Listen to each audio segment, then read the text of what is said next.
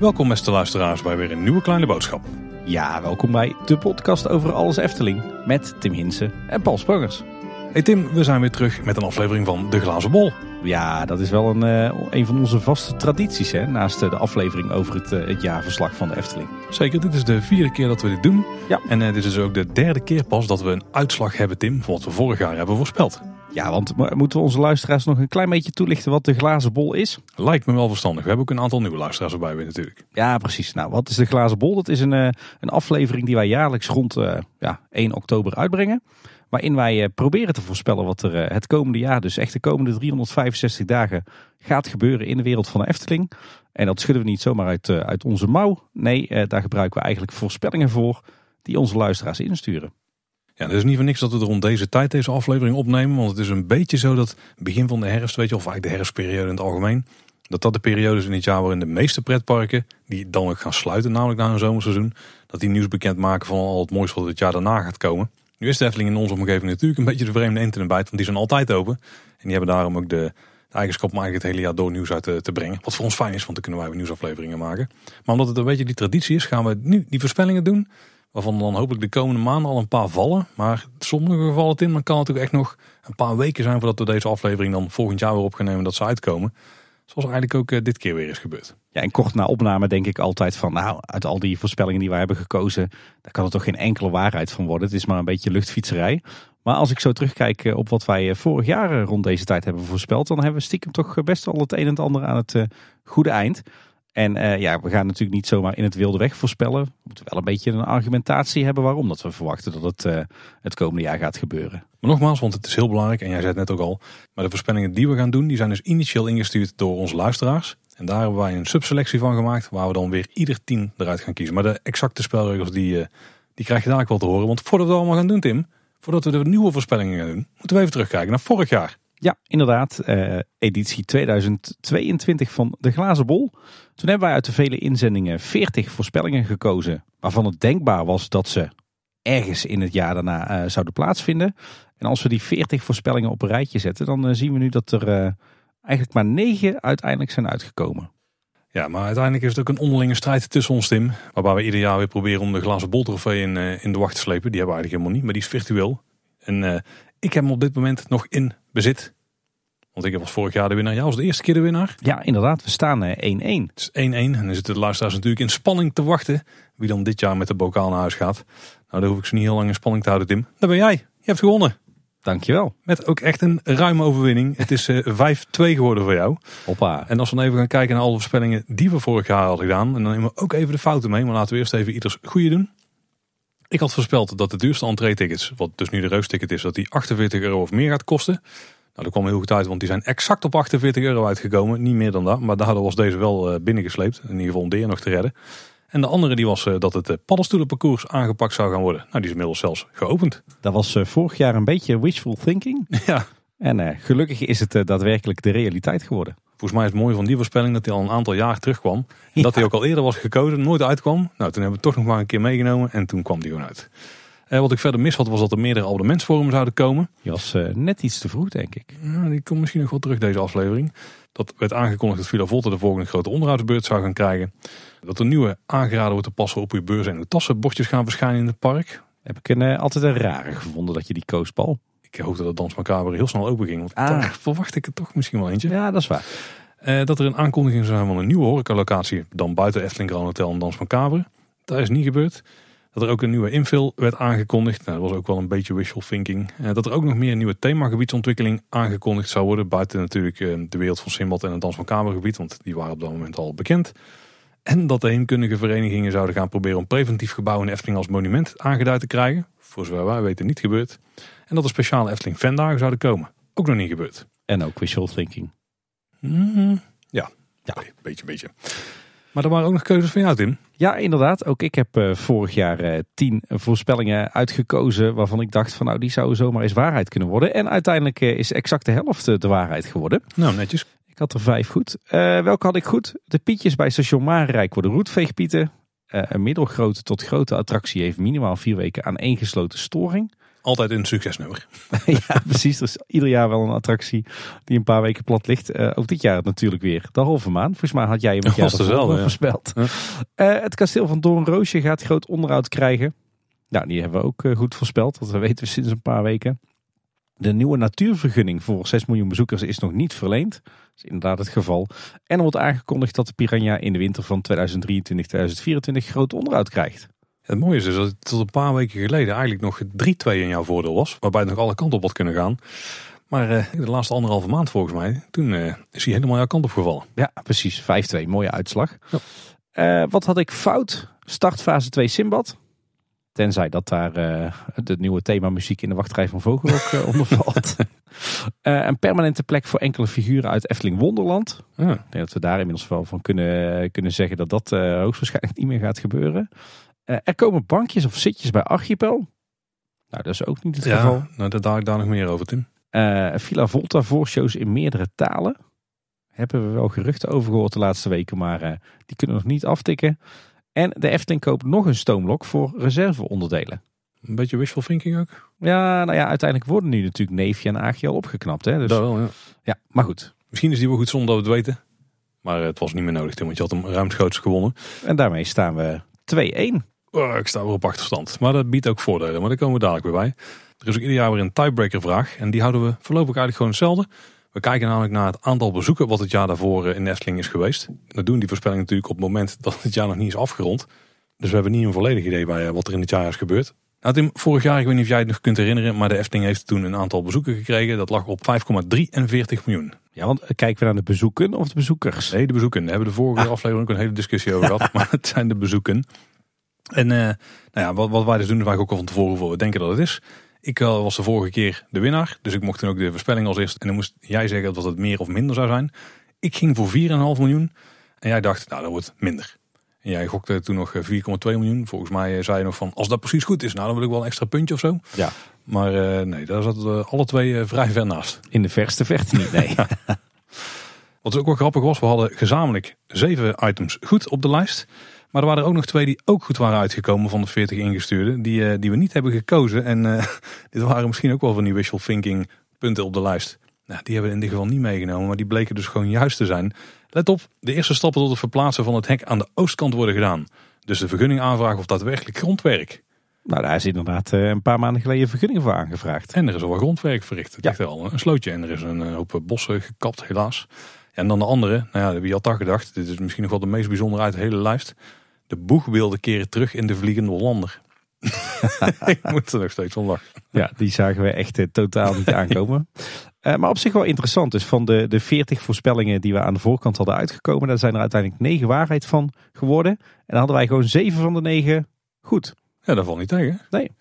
Nou is het zo dat we ook altijd vragen aan de luisteraars om ook voorspellingen te doen. En die hebben daarbij natuurlijk al een voordeeltje, want die kunnen ook kiezen uit die 40 voorspellingen. Maar die hebben niet iemand anders die dan voorspellingen voor ze wegkaapt. We hebben meer dan 180 van die voorspellingen binnengekregen van jullie. En eh, wat mooi was, iedereen had minstens één voorspelling goed. Dus niemand die zat er ergens eh, finaal naast.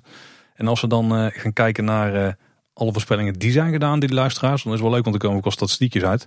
Wat zijn nou de populairste en minst populaire voorspellingen, Tim?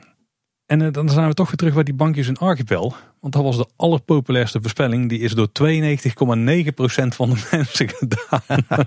dat was echt uh, wishful thinking dus. Toch ook wel een beetje stomp in het gezicht voor de meeste mensen denk ik. Uh, de daarna populairste was die van duurste entree-ticket van 48 euro of meer. Die was ingezet door 71% van de mensen. De nieuwe natuurvergunning wordt niet toegekend. Die werd door 67,8% van de mensen gekozen. En eh, de voorspelling van de storing van een mailgroot tot grote attractie. Ook die hadden heel veel mensen gekozen. 67% Altijd een veilige keuze. En de minst populaire voorspellingen waren dat de Kniesoor een broertje zou krijgen. Mm Dat Villa Volta een bende van de Witte Veer thema zou krijgen. En er was ook nog een voorspelling dat de eh, Floor Jansen eh, geëerd zou worden in de Efteling. met een klein monumentje of een kleine hint dat zij ooit iets voor de Efteling heeft gedaan. Daar is er ook niet van gekomen. Die was nog wel door 10 mensen gekozen. En de laatste minst gekozen zou zijn dat er door een storm schade ontstaat aan een van de sprookjes in het Sprookjesbos. Twaalf mensen hebben die ook nog gekozen. Ja, en we hebben dus eh, zo'n 180 voorspellingen binnengekregen van onze luisteraars. En dan zijn we natuurlijk benieuwd wie van die luisteraars het beste de toekomst van Efteling eh, kon voorspellen. En uiteindelijk waren er uh, verschillende mensen die uh, zeven voorspellingen goed hadden. Net zoveel als wij gezamenlijk, Tim. Ja, inderdaad. Overigens waren het ook zeven luisteraars, alsof het zo had moeten zijn. Hè? De storytellers van de Efteling die keuren het helemaal goed. Toch het magische getal. ja, en vervolgens geldt ook voor onze luisteraars dat de tiebreaker natuurlijk doorslaggevend is. En wie heeft er dan gewonnen? Jorik Smeets. Die had dus zeven voorspellingen goed. En hij voorspelde dat de Efteling in 2022 4,9 miljoen bezoeken zou hebben. Ja, en daarmee zat hij er dichtst bij. In ieder geval van het aantal mensen wat eh, begin oktober al deze voorspelling heeft ingestuurd. We hadden ook nog één voorspelling gekregen van Delano. Die zat op 5,12 miljoen. Nog dichterbij, maar die kregen we pas ergens eind februari. Dus die hebben we dan uh, niet voor die hoofdprijs mee laten doen. Ook waren er anderen die het uh, goed hadden. Simon Kouwenberg, Daniel van Aarle, Jordi Rodriguez, Timer Smits en Jordi. Waar we geen achternaam van weten. Nee, allemaal zeven voorspellingen goed. Net als, net als wij samen. Het is misschien ook interessant om te gaan kijken naar wie was nou de voorspeller van onze luisteraars. En het zijn er trouwens twee. Die het dichtst bij het bezoekersaantal voorspelling zaten. Nou, dat bleken Kelly van Kroesen te zijn en Anna. Die hadden alle twee 5,4 miljoen bezoeken gekocht. Dat is heel dichtbij. Heel, heel netjes, ja. Hey, genoeg over de Glazen Bol 2022, Paul. We gaan eens doorpakken naar de editie van dit jaar, de Glazen Bol 2023. Nou, we hebben net al toegelicht wat de bedoeling is. We gaan allebei de tien voorspellingen kiezen waarvan wij eh, verwachten dat de kans het grootst is dat ze het komende jaar waarheid worden. Ja, nou, we hebben dit jaar ook weer inzendingen gehad. Het ging om ruim 200 voorspellingen. Daar heb ik er weer een eh, lijst van gemaakt, gedestilleerd tot 40. Wederom. Daar gaan wij ons de beurt een voorspelling van kiezen waarvan wij denken, en dit is heel belangrijk, dat die gaat plaatsvinden of gaat uitkomen voor 1 oktober 2024. Ja. Dus ja, bijna ongeveer om, om erbij de circa exact een jaar na het uitkomen van de aflevering. En ja, we weten er zitten nog een paar dagen tussen het opnemen van de aflevering en het uitkomen van de aflevering. Die voorspellingen nemen we daarin wel gewoon mee. Dus als er nog dingen gebeuren net voor 1 oktober dit jaar. Beetje het, eh, het schemergebied eigenlijk. Ja, voor de, voor de, hopelijk. Nou, we hebben het nog nooit gehad dat het een probleem was. Maar mocht het zo zijn, dan hebben we ons bij deze ingedekt. We kiezen ombeurten dus een voorspelling. Het is zo dat degene die vorig jaar heeft verloren, die mag beginnen. Dus dat is mijn voordeeltje. Dan kan ik al wat dingen wegkapen voor jou, hoop ik. Tot nu toe is het ook iedere keer wel een, een voordeel geweest trouwens. Alleen met jouw voorsprong afgelopen jaar oh, heb je het vrij goed goed gemaakt. En we hebben nog de tiebreaker en die kan bij een gelijkspel doorslaggevend zijn. Ook nog één heel belangrijk ding. Stel nou, het wordt gelijk met het aantal um, voorspellingen. Maar één of twee die zijn misschien twijfelachtig. Ja, dan moet er een derde onafhankelijke partij zijn, Tim, die daar eh, doorslaggevend in zou kunnen zijn. En die hebben wij als wij er samen niet uitkomen. Dat is de milde dictator, onze vriend van de show Yves. Die mag dan beoordelen of dat die voorspelling wel of niet daadwerkelijk is uitgekomen. Met zo'n eh, nickname is hij eh, de aangewezen persoon, hè? Dat wouden wij zeggen. We hebben ook er letterlijk voor aangewezen, dus dat scheelt. We hebben hem aangewezen als vrijwilliger. ja, we hebben hem dit jaar niet ingelicht trouwens. Misschien moeten we daar nog even doen. Ja. Oh, en eh, jij zei het niet, maar dat is ook wel heel belangrijk. Als uh, een van ons beiden een voorspelling heeft gekozen, dan kan de ander die niet meer kiezen. Hè? Die is heel belangrijk, ja. ja. Voorspellingen zijn uniek. We krijgen daar twee unieke lijstjes. En dan gaat het nu gebeuren, Tim. We hebben 40 voorspellingen klaarstaan. En wij gaan er ombeurt één kiezen. Ja, inderdaad. Uh, en volgens mij mag jij dan beginnen hè, als grote verliezer van vorig jaar. Ja, dankjewel, dankjewel. Uh, Tim, ik moet wel bekennen dat ik, ik heb een vrij stevige, uh, een vrij stevig fundament laten daarop houden. Van een voorspelling of 6, 7. Waar ik toch wel wat vertrouwen in heb. Maar ja, daar ga je natuurlijk een aantal van wegkapen. Maar ik ga natuurlijk wel gewoon beginnen met, uh, met de goede. Alhoewel, nou, ik zou voor mijn kop slaan als ik deze niet pak. Uh, ik, ik, ga toch al meteen wisselen. Ik ga toch al meteen wisselen. Mijn eerste voorspelling is dat er uh, nieuwe reguliere abonnementsvormen geïntroduceerd gaan worden dit jaar. Oh, die stond uh, inderdaad ook in mijn lijstje, ja. En de reden daarvoor is eigenlijk heel duidelijk. In de Verenigde Staten zouden ze zeggen, the writing is on the wall. Dat mogen ze in Engeland trouwens ook zeggen. ja. Want er zijn heel veel hints naar dat dit wel eens het geval gaat zijn. Met name de onderzoeken die recent zijn gedaan. Maar ook wel, ja, toch wel het inzicht wat heel veel um, fans, wat wij ook hebben gehad, vaak hebben doorgedeeld van mensen die, die er gewoon over hebben, dat het eigenlijk ook wel logisch is. Het is op sommige dagen gewoon heel druk in het park. Nou, tijdens corona zagen we ook dat het uh, soms toch wel gewenst is dat er wat meer mensen zijn die gewoon entree-tickets hebben. Uh, die daarmee binnenkomen, want die leveren gewoon in ieder geval aan de kassa meer geld op dan de abonnementhouders die regelmatig komen. Er zijn ook inmiddels heel veel abonnementhouders. Um, maar er zijn ook mensen die best wel in de running zouden zijn voor een abonnement op de dagen dat het nog heel rustig is in het park. Dat je die spreiding nog beter krijgt. Dus ik denk met name dat het spreiden van de bezoekers, dat dat de voornaamste reden gaat zijn dat de Efteling hier, uh, hier aan het kijken is. Dat ze hier ook onderzoek naar aan het doen zijn, uh, vrij actief de afgelopen maanden. Ja, en dat dat toch wel een voorteken zou moeten zijn dat er iets gaat gebeuren in de toekomst met verschillende abonnementsvormen. Misschien even voor de duidelijkheid, we hebben heel bewust erin gezet in uh, deze voorspelling dat het om reguliere abonnementsvormen gaat. Ja, je hebt 65 plus abonnementen. Ja, je hebt abonnementen voor mensen met een handicap. Die bedoelen we dus niet, die, die horen daar niet bij. Het gaat echt om Ja, wat nu dus het abonnement is voor, ja, dan moet ik het trouwens gokken uit mijn hoofd, 215 euro per jaar? Ja. Gok ik nou? Oh, dat Ja. valt niet tegen. Ik betaal hem per maand, ik weet niet, eigenlijk niet eens hoeveel dat is. Ehm, maar dat daar dus nog vormen naast komen, waarmee je bijvoorbeeld het hele jaar door het park in kan. Nou, die zal een stuk duurder zijn, misschien met nog een paar meer voordelen. Maar dat je misschien ook wel een abonnement hebt waarmee je alleen door de week het park in kan, buiten de vakanties of zo. En die zal dan weer een stuk goedkoper zijn.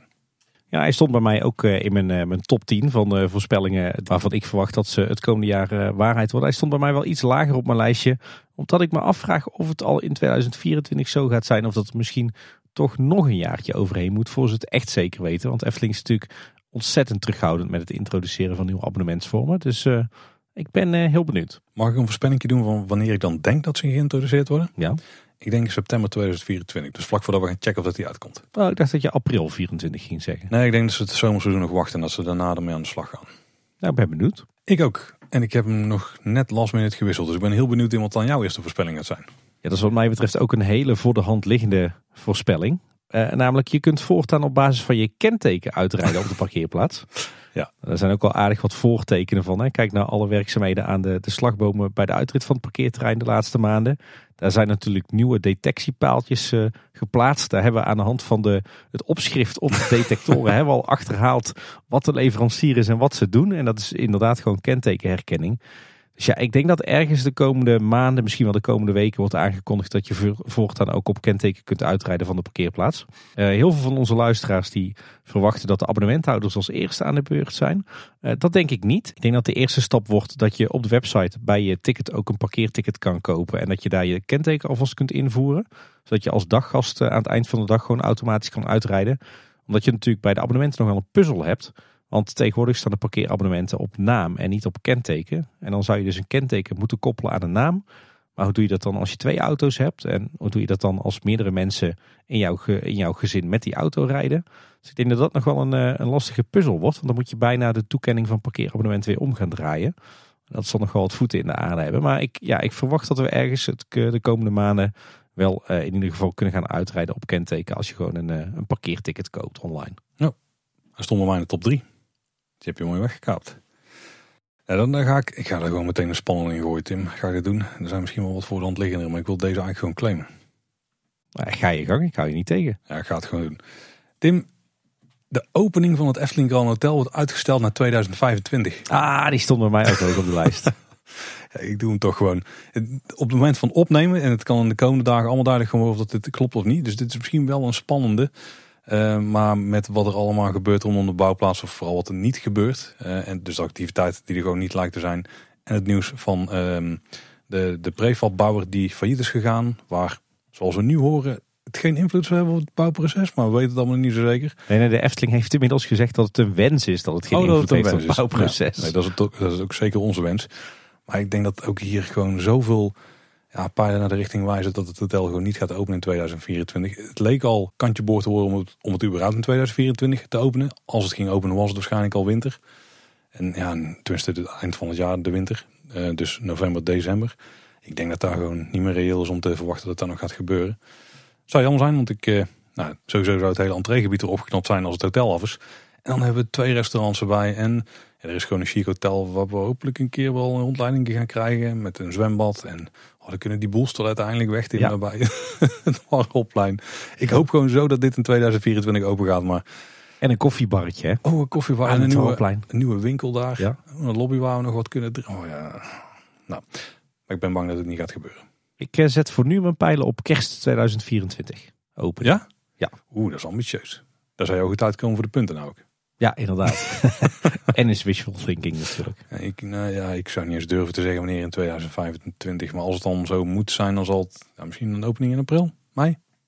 Maar ik weet niet, als, als het goed fout gaat bij die eh, prefab dan kan het ook zomaar een jaar later zijn dat het open gaat. Dus Het is, het is echt op dit moment totaal niet te voorspellen. Pas op het moment dat we weten dat de bouw weer opstart en dat de prefabdelen gaan komen, dan kunnen we er een slag naar slaan. Dan kan het natuurlijk heel snel gaan, hè, omdat je bouwt met prefab en bij wijze van spreken in een week eh, wel één vleugel kunt opbouwen.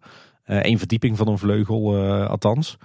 Ehm, maar ja, als die hele constructie eenmaal staat, dan moeten de gevels nog tegenaan. Dan moeten de, hotelkamers nog worden afgebouwd, de hele interieur. Dus dan zijn ze ook nog wel even onderweg, ondanks dat ze met prefab werken. Ja, nee, er is, er is nu echt nog geen slag naar te slaan. Dus ik denk eerlijk gezegd dat eh, jouw voorspelling wel aardig wat kans maakt, ja. Misschien even trouwens tussendoor. We hebben zoveel voorspellingen gekregen van zoveel mensen. Dat we nu in tegenstelling tot voorgaande jaren niet de namen overal bijnoemen. Want dan wordt het een hele lange avond. En ook vrij repetitief. Ehm, dus dat doen we dit keer niet. Maar nogmaals mensen, iedereen die iets heeft ingestuurd, enorm bedankt. En uh, jullie horen je eigen voorspellingen waarschijnlijk wel langskomen. Ja, want je had het over 200 voorspellingen. Hoeveel, hoeveel inzendingen zijn het in totaal? Van hoeveel mensen bedoel je? Poeh, uh, moet het er rond de 100 zijn geweest, denk ik, of zo. Sommigen hebben er meerdere ingestuurd hoor. Sommige mensen kregen echt een lijstje van 10 of, of 8 of een stuk of 3, 4. Uh, maar heel veel mensen hebben er ook maar één of twee ingestuurd. Nou, drie voorspellingen weggetikt, Tim. En tot nu toe was dit eigenlijk gewoon mijn top 3. wat, is jouw, jouw volgende? Ja, mijn volgende is een combinatie van uh, wishful thinking en geruchten. Uh, het personeel bij Dans Macabre krijgt gethematiseerde werkkledij. Oeh, een top tiener. Ja. ja, ja, ja. Ja, goed, daar hebben we wat, wat geruchten over gehoord. Ja, ik, ik verwacht en ik hoop dat, uh, dat dit daadwerkelijk het geval gaat zijn. Uh, als we een beetje kijken wat Efteling de afgelopen jaren heeft gedaan. En bij bijvoorbeeld een, uh, een bekkerij Krumel. Dan zou het mij niets verbazen als het personeel hier in ieder geval een mooi accent in de, in de werkkleding krijgt. In het beste geval staan ze er allemaal bij als Otto en Virginie Charlatan. Beetje zoals Disney natuurlijk doet in, in Phantom Manor. En Fantasieland heeft daar ook al een handje van. Maar ik verwacht dat dat nog een brug te ver is voor de Efteling. Maar een, een mooi element inderdaad. Een omslagdoek, een hoge hoed, uh, iets in de geest, een cape. Ik hoop toch dat we zoiets te zien gaan krijgen bij Dans Macabre. Ja, ik denk dat we deze ook wel vrij makkelijk kunnen beoordelen. Het is wel duidelijk wanneer het meer is dan gewoon het standaard personeelspak. Ja, het moet wel meer zijn dan een pin of zo. ja, of nou een, een sjaaltje, dat ook te weinig zijn hè? Ja, dat vind ik op het, op het randje. Ligt aan het, ligt aan het sjaaltje misschien. Kantje boord. Ja. Snap je? Ja, ja. nee, nee, ik hoop dit en ik verwacht het ook eigenlijk wel. Als ik zie hoe, hoe immersive de Efteling dat, dat hele themagebied aanpakt. niet alleen op het gebied van thematisering en, en decor. Maar ook, ook nu, hè, als je ziet wat voor gerechten dat ze verkopen bij de Zwarte Kat. Als je ziet wat voor soundscape er al is. Natuurlijk de, de entertainment act, de hele backstory. Het verhaal wat natuurlijk in de YouTube-serie naar voren komt. Dan zou het me niks verbazen als, als het ook doorgevoerd wordt, het thema in de personeelskleding. Ja, stond maar ook op mijn top 10. Dus ik geef jou ook een grote kans dat dit uit gaat komen. Ja, dan, dan de volgende Tim, die wil ik ook gewoon claimen. Ik ga hem gewoon claimen. Ik ben heel benieuwd. Hij gaat ook over Dans Macabre en hij gaat ook over een openingsdatum. Oké, okay, kom maar op. Ik ga ervoor dat Dans Macabre opent na de zomer Efteling 2024. Initieel, tenminste toen de bouw begon, toen dacht ik, nou, dit wordt gewoon een opening in mei. Weet je wel, een klassieke opening zo op 1 mei of misschien het eind van de maand of zo. Voor het zomerseizoen, zodat die capaciteit er is. Maar toen besefte ik me in één keer dat uh, daar vanaf nu nog ongeveer een maand of 7, 8 is. Wat toch misschien wel aan de krappe kant gaat worden. En dat uiteindelijk dit natuurlijk wel een beetje een wat meer griezelend thema is. Dus dat het in die herfstperiode ook wel wat beter zou staan om te openen. Dat, dat je dan de sfeer hebt in het gebied waarmee het hele, het hele gebied en het gebouw en de attractie zelf misschien het best tot zijn recht komt.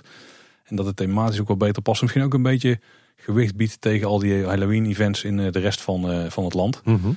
Dus misschien is het ook wel tactisch. En, en ik denk trouwens ook omdat het een nieuw ritssysteem is, er zal flink getest moeten worden, flink wat draaiuren gemaakt moeten worden. Zullen ook flink veel moeten gaan kalibreren en kijken hoe het gaat werken met waarschijnlijk de media die daar ook uh, gebruikt gaat worden. Wat natuurlijk niet echt een specialiteit is binnen de Efteling nog. Dus niet een manier waarop ze die gaan toepassen. En het is een Intamin hè? Uh, ja, dat was het testen van het ritssysteem ik daar een beetje daarin meegenomen inderdaad.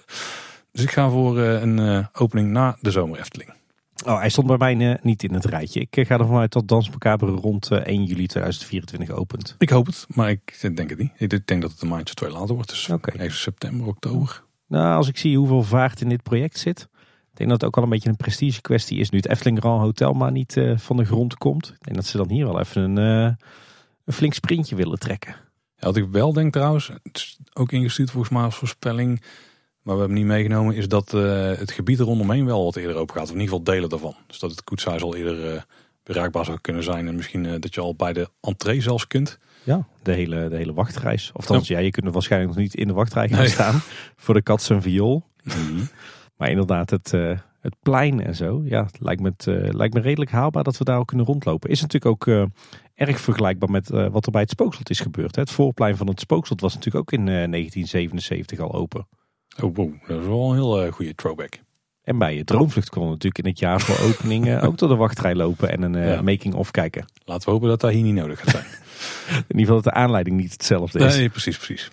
Um, Tim, dit was een klein gokje van mijn kant, maar ik wilde hem gewoon claimen. Wat gaat jouw volgende voorspelling worden? Ja, ik ga toch weer een schot voor open doel doen. Oh, dan denk ik dat ik de volgende in mijn top 6 kan wegvinken. Ik heb eh, in navolging van Ezel worden meerdere punten zoals de kip en de gans contactloos betaalbaar. Ah, die bijvoorbeeld buiten mijn top 10, maar dat is ook een goede jaar. Stond ik hoog op de lijst. Ja, wat mij betreft echt een open deur. Hè. We zien dat het, eh, dat het bij Ezeltje Strekje is gelukt om eh, daar contactloos betalen in te voeren. En dat het volgens mij een groot succes is. Nou ja, eigenlijk is de Efteling die van haar eigen portemonnee eh, door het niet in te voeren bij de, de kip, de eend en ook het smitje. We zien dat Toverland eh, het nu ook heeft gedaan in Avalon bij eh, de draak die eieren legt. Dus eh, nee, het lijkt me, lijkt me een kwestie van tijd voordat ook de kip en de eend zijn voorzien van contactloos betalen. Het mooie is dus, de afgelopen nieuwsaflevering hebben we het hierover gehad. En ik opende de voorspellingenlijst en tot mijn grote vreugd stond deze tussen. Die gaat op de lijst. Alleen jij hebt hem al weggekapt. Ik had hem een beetje als de reserves als mijn top 10 helemaal was geclaimd al door jou. Maar je was me weer voor. Ja, ik heb daarom ook een eh, top 20 gemaakt inderdaad. Hey Tim, dan doe ik ook een stukje wishful thinking. Ook een beetje eh, eh, reading the tea leaves, zeg maar. Is, wat, wat doen wij in Nederland? Koffiedrap kijken of zo? Ja, en volgens mij kan het allebei. Volgens mij kan je de toekomst voorspellen aan de hand van de koffiedrap en aan de hand van theeblaadjes. Hebben we daar ook een mooie Nederlandse uitdrukking voor? Koffiedik kijken. Koffiedik kijken, zo deze ja. Dat zou trouwens een mooie ondertitel zijn van onze glazen bolreeks. Ja, ja, dat is wel een beetje wat het is, ja. Meer passend bij mijn leven.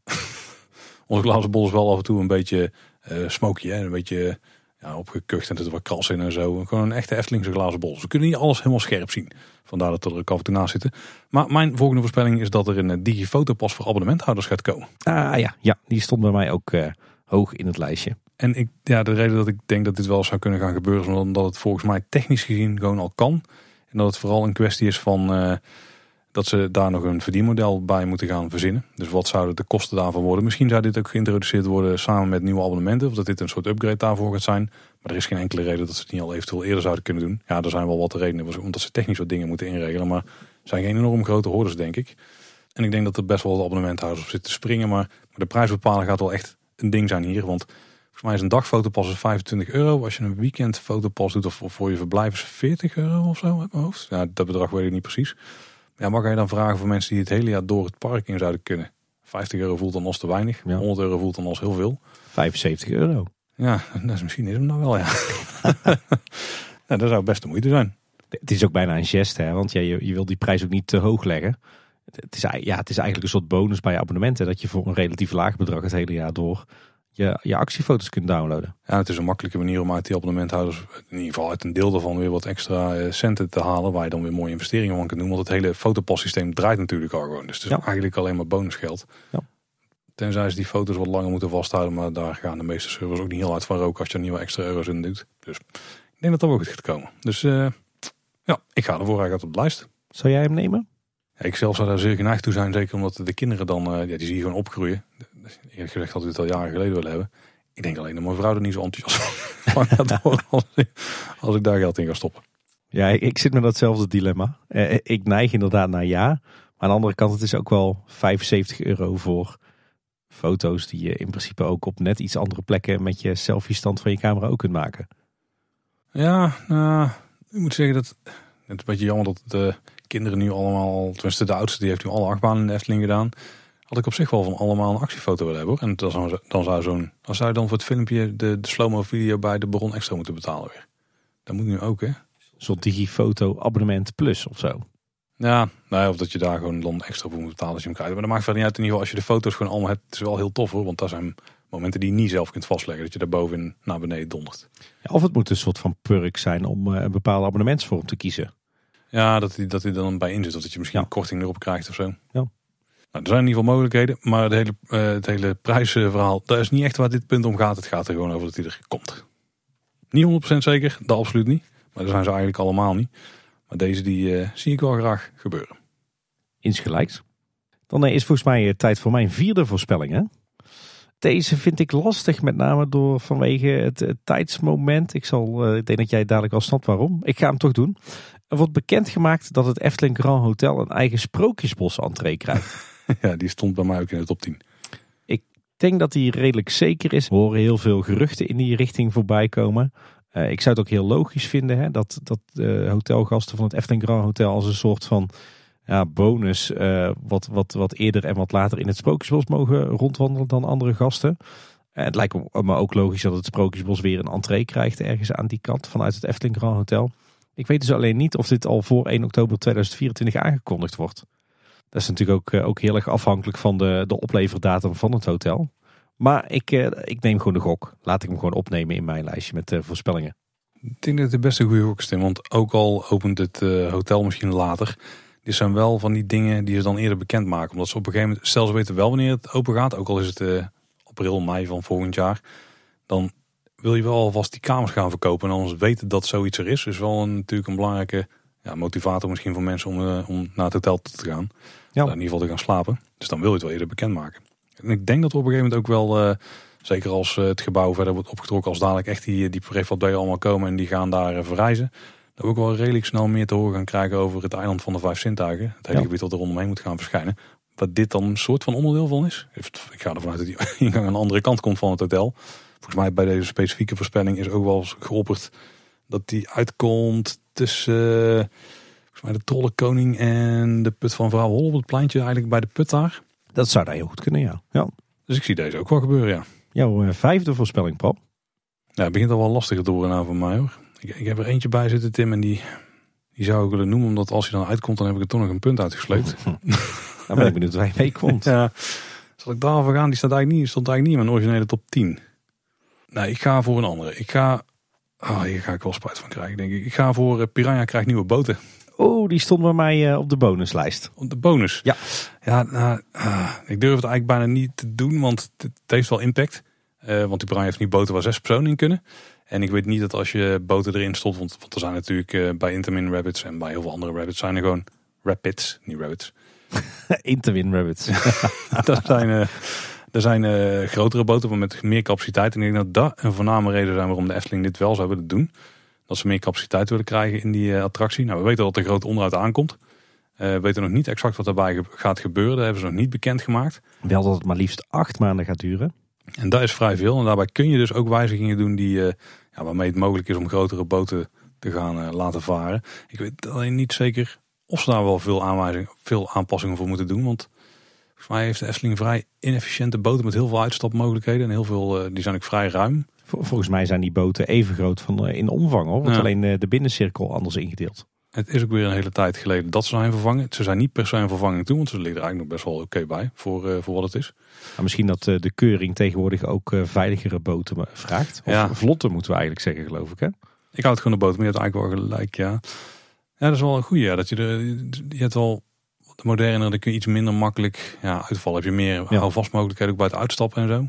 Ja. Dat is wel een goed punt. Ja, dat zou ook nog een reden kunnen zijn, zeker. Want als er Akma aan onderhoud komt en er flink, vindt ook flink technisch onderhoud plaats, moet die misschien opnieuw gekeurd worden? Zou dat? Dat, uh, daar ben ik vrij zeker van, ja. ja. ja. Nou, je sterkt maar steeds meer in mijn keuze. Ik ben ook blij dat ik hem nu al heb gekozen. Ik denk inderdaad ook dat we naar uh, nieuwe boten gaan in de Piranha met een capaciteit van 9 in plaats van 6. Dus toch, ja. Uh... je hebt ook een 8 variant volgens mij, maar 9 is logischer. Ja komt er toch 50% bij aan capaciteit. Nou, we zien dat de Piranha in de zomermaanden echt wel heel druk kan zijn. 30, 40, 50 minuten. En inderdaad een stukje veiligheid. Ik denk dat eh, de boten ook wel veiliger moeten. En we zien in andere parken ook wel voorbeelden van veiligere, nieuwere boten. Zien er niet heel fraai uit. Ik vind de huidige boten van de Piranha dan een stuk fraaier. Dat is zeker. Maar goed, uh, Safetti first, hè, weten we inmiddels. Ik heb het geleerd van jouw dochter. Jouw volgende, Tim. Ja, wat toch weer een, uh, een easy score, een inkoppertje, denk ik. Oeh, is het een classic? Hij is wel klassiek. Maar ik weet niet of dat is waar je op doelde.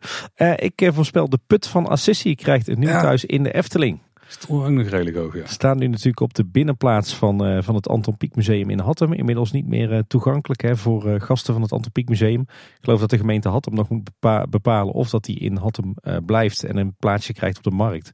Of dat hij naar de Efteling mag. nou, dat de kans toch ongeveer 60, 70 procent is dat ze er daarvan af willen.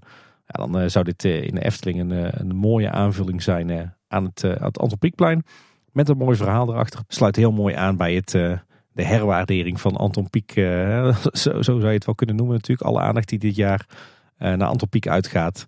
En naar het Anton Pieckplein. Met die, met die speciale tentoonstelling natuurlijk in het Efteling Museum. En er is ook al meermaals op gehind hè, dat de kans vrij groot is dat die put van Assissi van het Anton Pieck Museum. Dat die naar de Efteling verhuist. Dus ja, toch een easy score die bij mij wel op de lijst mocht. En dan maak ik het grijze gebied dat hier eventueel omheen hangt voor jou wat uh, minder grijs, Tim. Ik vind het ook prima als het al is aangekondigd voor 1 oktober. Hij hoeft er nog niet te staan. Wat ben je toch mild, uh, Paul? Altijd, hè. Maar geen dictator. Ik ken jou inmiddels eh, een jaar of zeven. Je zou het inderdaad heel slecht doen als eh, dictator. Ja, dat denk ik ook, ja. Paul Sprangers, de dictator die alles wel prima vindt. Die ambities heb ik ook niet. Ehm, ik eh, ga voor de volgende team, dan ga ik wel voor de classic. Ik denk, jij gaat hem weghalen. Ik ga het gewoon weer proberen. De Efteling kondigt een betaald hardticket event aan. Oh, oh die, had ik, eh, die had ik inmiddels geschrapt. Die Die staat- durft hem gewoon niet meer mee te nee, nemen. nee, nee, nee, nee. Deze hebben we volgens mij ieder jaar tot nu toe eh, voorspeld. En het is nog geen enkele keer uitgekomen. Even trouwens met een hele belangrijke kanttekening. Oud en nieuw geldt niet bij deze. Want dan weten we natuurlijk dat die er is. Vorig jaar was het bijna gelukt, Tim. Want de spooknacht. Ja, Alleen die was niet betaald. nee. dus toen ging hij niet door. Hij zit jou weer vaak ingestuurd. En nee, ik, ik, ik denk slash hoop. Nou, nou, ik hoop vooral dat de Efteling het gewoon weer een keer gaat proberen. Eh, volgens mij hebben we toen ook geroepen met die spooknacht van... als je zo'n event doet, maak het gewoon betaald. Misschien rondom de opening van Dans Macabre gebeurt er nog wel iets eh, in diezelfde geest. Dan wordt er dan wel geld voor gevraagd. Ah, in diezelfde geest. Eh, wordt er dan wel geld voor gevraagd en doen ze het ook meerdere avonden. Zeg maar. Het is best wel een succes. Ik kan me voorstellen dat als je zo'nzelfde activiteit hebt en je eindigt dan op het dans, in het Dans Macabre themagebied, dus in het Huiverwoud. En dan ben je verzekerd van een ritje. Bijvoorbeeld dat ze dat doen in de aanloop na opening of zo. Dat dat best wel een succes kan zijn. Ja, dan is het eigenlijk een beetje een, eh, een soort doorvertaling van de spooknacht. Dus met extra entertainment, met een spooky thema. Zou, zou een optie kunnen zijn. Hè? Ik zeg niet dat dit het gaat worden. Ehm, maar zoiets zou ik al zien gebeuren en dan heb ik mijn puntje in ieder geval binnen. Als, het, als het betaald is. Ja, is bij mij ook nog steeds een, een enorm grote wens. Hè. Ook omdat ik toch het, eh, in, in de zomer heel erg dat gevoel mis van urgentie om naar de Efteling te gaan op een zomeravond. Ik zou er echt voor willen pleiten om, eh, om inderdaad iets van een festivalachtig evenement terug te laten keren naar de Efteling. Zoals een zomeravond of zoals een, eh, een midzomernacht. Nou ja, dat hoef ik denk niet meer te zeggen, want dat weten alle luisteraars wel.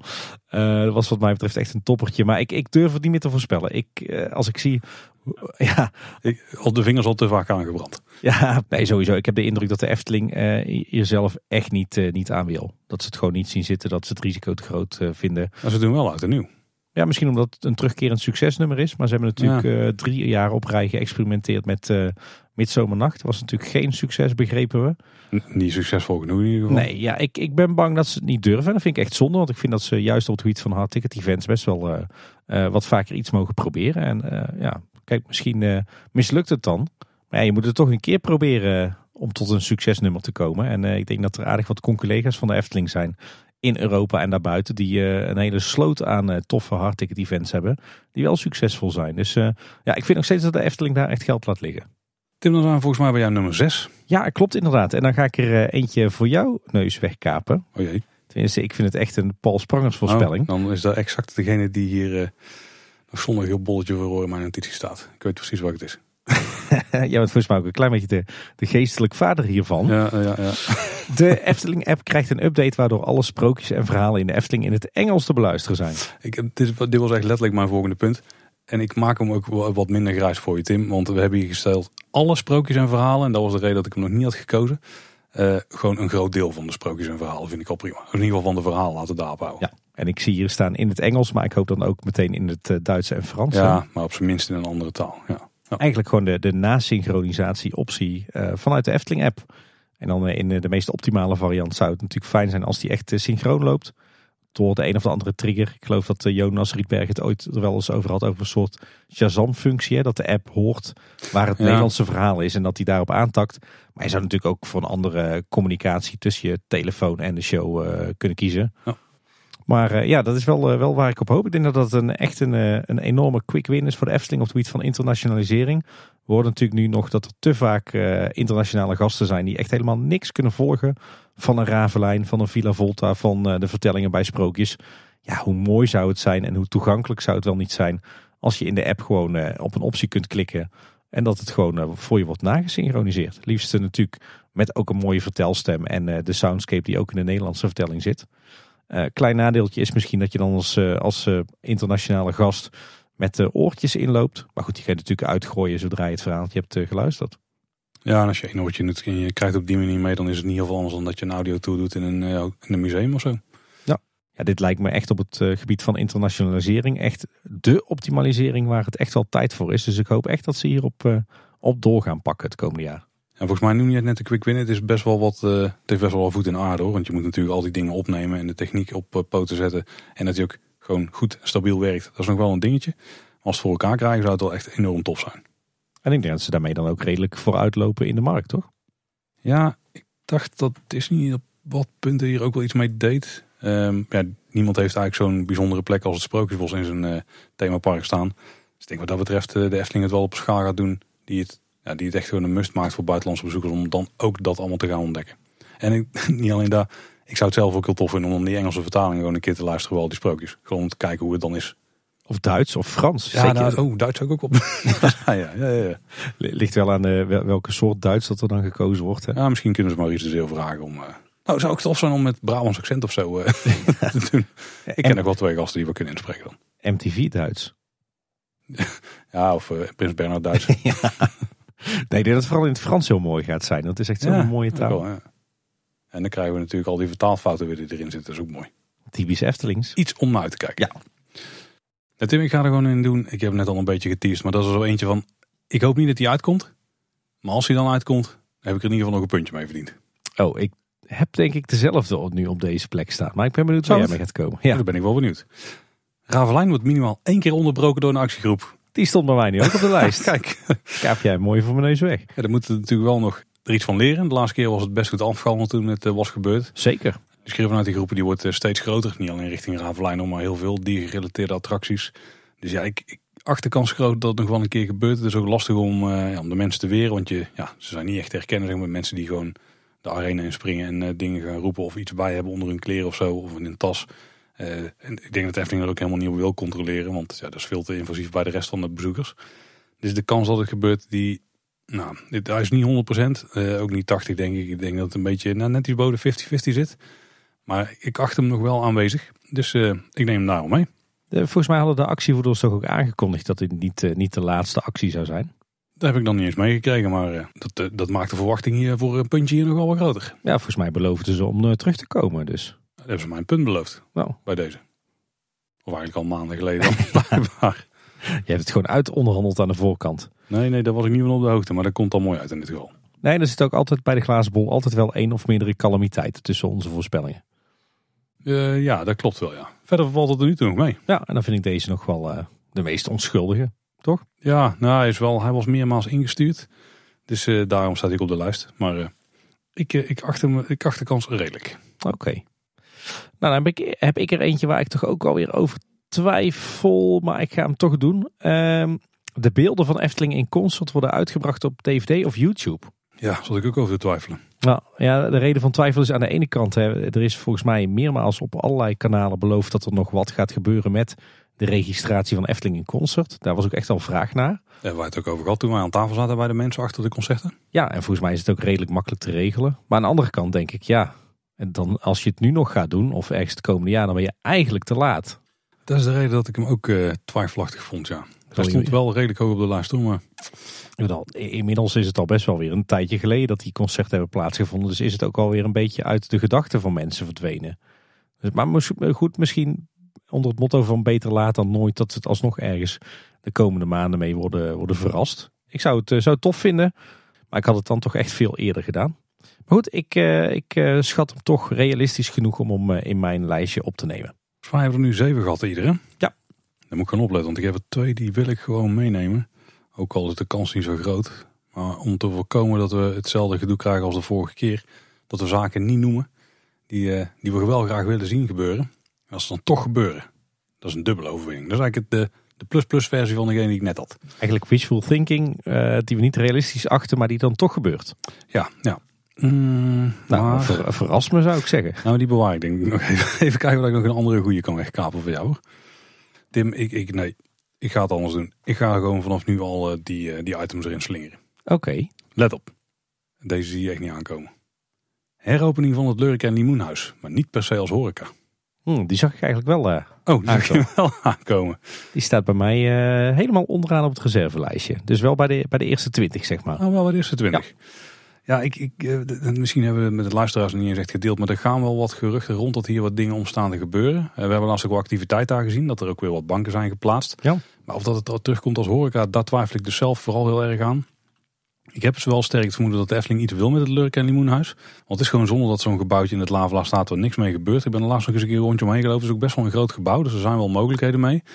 En nou, nogmaals, die banken die zijn weer in ere hersteld. Zal ze ook gewoon weg kunnen halen. Dat, ja, wij hebben het dan genoemd in de nieuwsaflevering. Maar verder krijgt daar geen hana eigenlijk. Net een soort, dat soort aanpassingen. Maar ja, horeca nogmaals in die hoek van het park. Ja, je gaat het waarschijnlijk niet heel vaak open doen. Dat is natuurlijk ook de ondergang geweest van het initiële concept wat daar zat. Er kwamen gewoon te weinig mensen op af. Maar ik zie het wel bijvoorbeeld gebeuren dat daar een horecakar buiten komt staan. Eh, die daar alleen maar staat op de echt drukke momenten. Dan hoef je niet het hele huisje ervoor in te richten. Maar heb je wel die horeca, kun je ook die, uh, die, die uh, tafels weer gebruiken die er staan. Waar je die glazen in kunt plaatsen. Ja, wat doe je dan met het gebouwtje zelf? Misschien dat daar een nieuwe loer, ja, als geen sprookje, maar een, een scènetje in komt of zo. Zou zo maar kunnen. Het interieur is volgens mij daar heel geschikt voor. Heel mooi ook. Als je achter de bar daar een uh, laatste kelner of zo neerzet, zou echt super tof zijn. Dan moet je wel een doorloop ervan maken. Dus je moet een in- en uitgang hebben. Nou zitten die er toevallig al. Want daar zit volgens mij een soort nooduitgang aan de achterkant. Dus een soort dienstingang. Maar er zit, er zit al een opening in het gebouw. Ja, het, het, is de, de dienstingang waarmee je zeg maar in de back of the house van de, de bar komt. En nu, nu begin ik al een beetje te armchair imagineren. En heel erg, uh, heel erg wishful thinking uh, te imagineren. Maar er zit in ieder geval een hoop potentie in. Waarbij ook de investering niet per se extreem hoog is. En waarbij het misschien ook een kleine teen in het water is om te voelen om te checken of dat uh, er nog potentie zit in het Lavla voor misschien een grotere toekomstige uitbreiding. Dat je nog eens gaat, dat je gaat kijken van we doen nu een kleine investering daarin. Uh, we voegen weer wat attractiviteit toe. Neemt dan ook de bezoekersstroom die kant op toe. Nou, als dat zo is, dan zou dat best wel de business case sterken om toch nog eens te gaan kijken naar een kleine attractie op uh, het pleintje wat nog naast het Lavla ligt. Waar in principe nu niks gebeurt. Hè, waar die verloren draaimolen staat, die, die duwmolen. misschien dat dat een beetje het idee er ook achter zou kunnen zijn. Ja, ik, ik help het je hopen. Ik vind er eentje in de categorie van het zou kunnen, maar ik ben er nog niet heel zeker van of het ook werkelijk het komende jaar gebeurt. Er zijn inderdaad wel redelijk concrete geruchten rondom het Lurk en Limoenhuis, maar goed, die zijn natuurlijk ook al jaren. En het Lurk en Limoenhuis is volgens mij ook ieder jaar wel weer onderwerp van minstens vier afstuderen, onderzoeken en stageopdrachten. Ja. Daar moet toch een keer een goud plan tussen zitten. Maar ik vraag me af uh, of ze het gaat doen. Sowieso uh, horeca. Nou ja, als je ziet dat ze de carouselbar al niet uh, rendabel krijgen, dan ja, waarom zou je dan een paar honderd meter verderop nog een bar openen? Nou ja, dan, wordt het, dan zou het misschien een loersprookje worden. Maar ja, dat is een investering waar je relatief weinig voor terugkrijgt eigenlijk. Ik, uh, ja, nou, ik weet het niet. Ik twijfel. Ik vind het ook een lastige, maar ik hoop het gewoon heel graag. Maar als deze dan uitkomt, dan hebben we en de euforie van er gaat eindelijk weer iets gebeuren met dat gebouwtje. En ik heb een puntje. Dubbel goud. En je bent geen sportfanaat, maar kan je vertellen, normaal gesproken kan dat niet. Ik uh, zou het niet weten.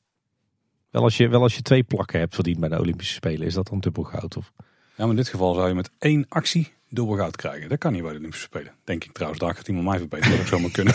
Alsof jij de sportexpert bent hier. Ja, misschien, nou ja, wel van ons tweeën trouwens. Misschien als je een, een uh, estafette of zo doet, dan krijg je met je team in ieder geval meerdere plakken. Dat kan wel trouwens. Heb je dat skiën en schieten bij de winterspelen? Ja, maar dat telt niet als ja, individuele okay. units. Nee, nee, nee. Ja, ik zit met een probleem, Paul. Ja, ik uh, zat al met het probleem, dus ik heb er maar gewoon een deugd van gemaakt. Ja, ik, uh, maar ik mag natuurlijk nog drie voorspellingen kiezen. Ga ik dan voor de, de voor de hand liggende voorspellingen waarmee ik uh, een puntje kan scoren volgend jaar? Of ga ik voor een paar sexy voorspellingen waarvan ik denk van, nou, dat wordt hem waarschijnlijk niet, maar ik vind ze wel leuk. Ik zit al in die categorie, maar er is niks wat jou tegenhoudt om gewoon weer volle bak voor de winst te gaan. Het zou het eerste 1 2 worden qua winst wat we ooit hebben gehad. Dat is ook een sportterm, Tim. Ja. Uh, mag ik straks wat eervolle vermeldingen in de mix gooien?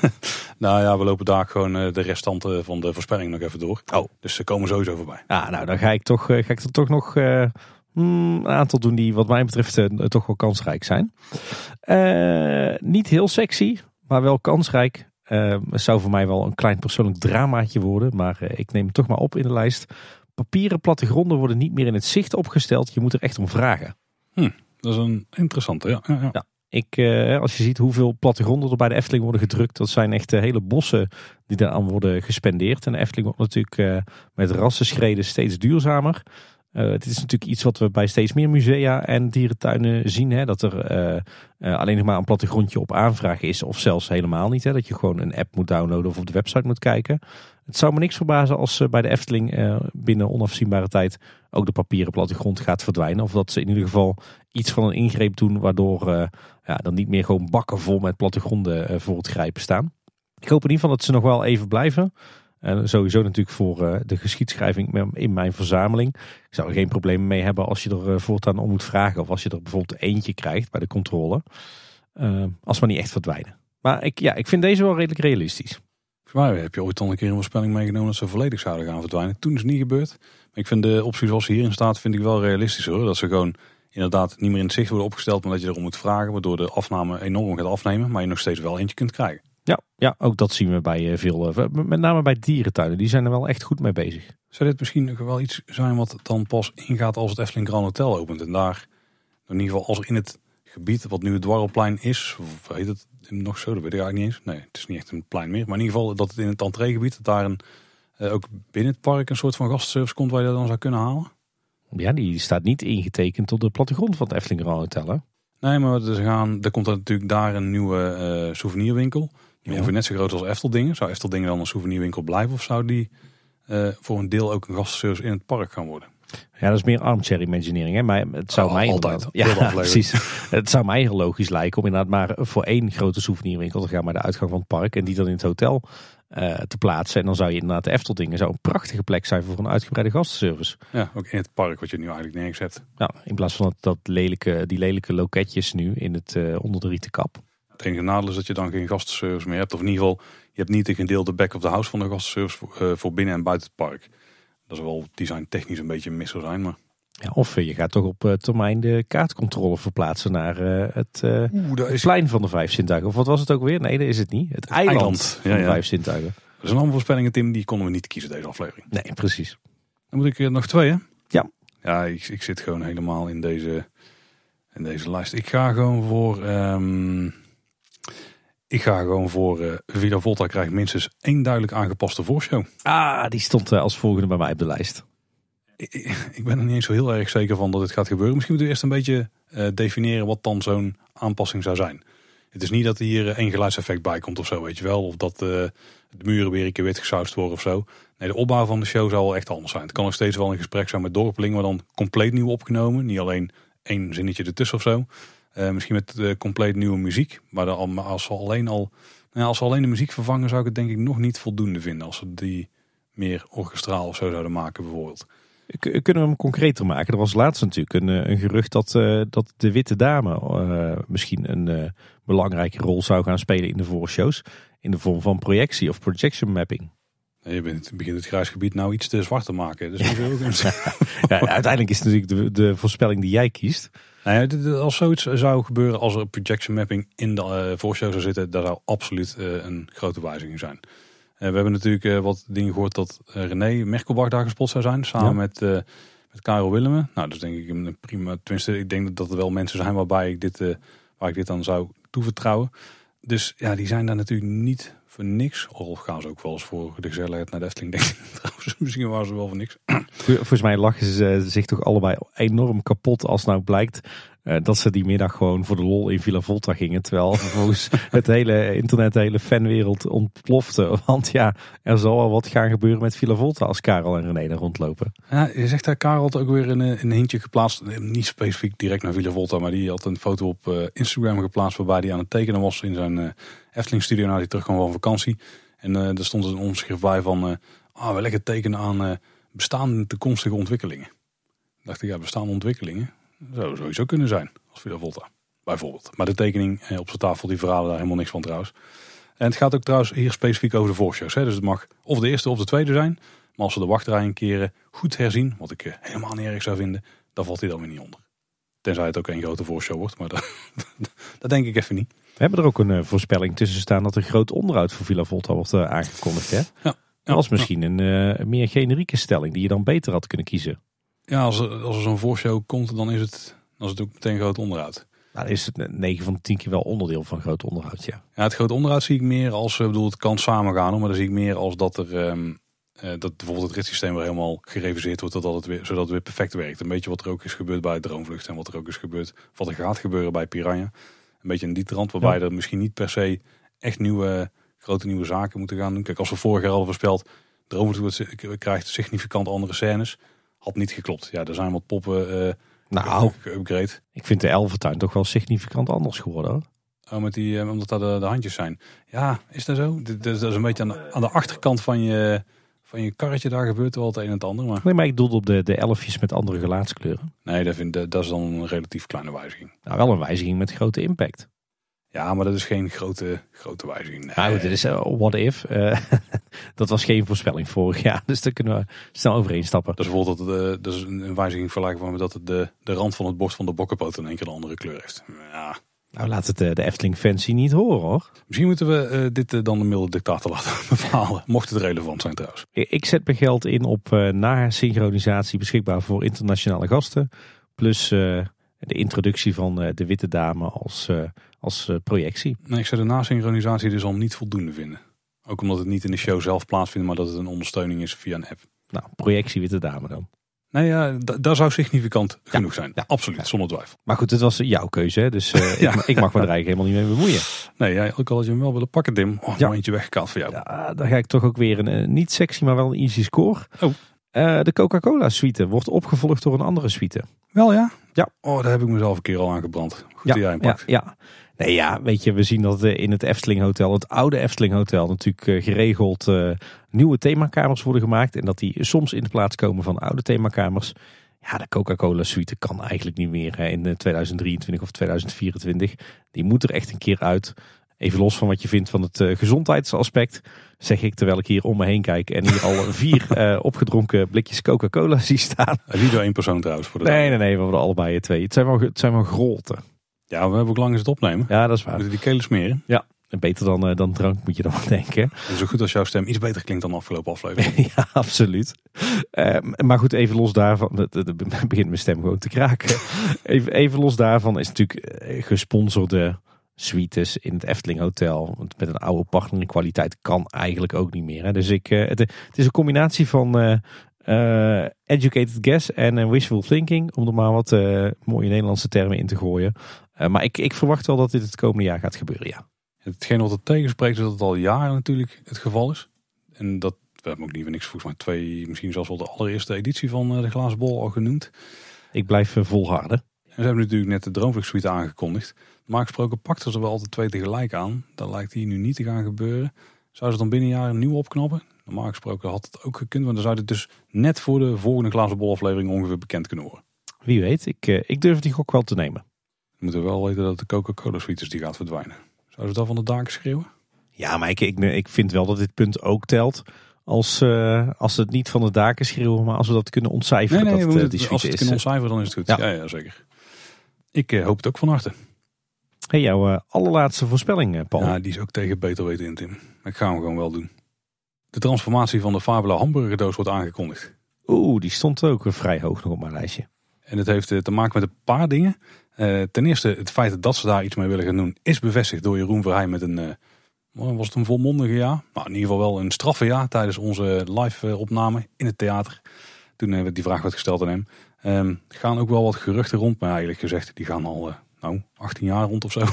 Ja. dat er iets met die hamburgerdoos gaat gebeuren. Wat natuurlijk vroeger de uh, de Pandadroomloods was en nu de Favela loods of de Vaploods. Maar dat is dan historisch een beetje lastig als je het in die dat, context plaatst. Dat was een andere loods, ja.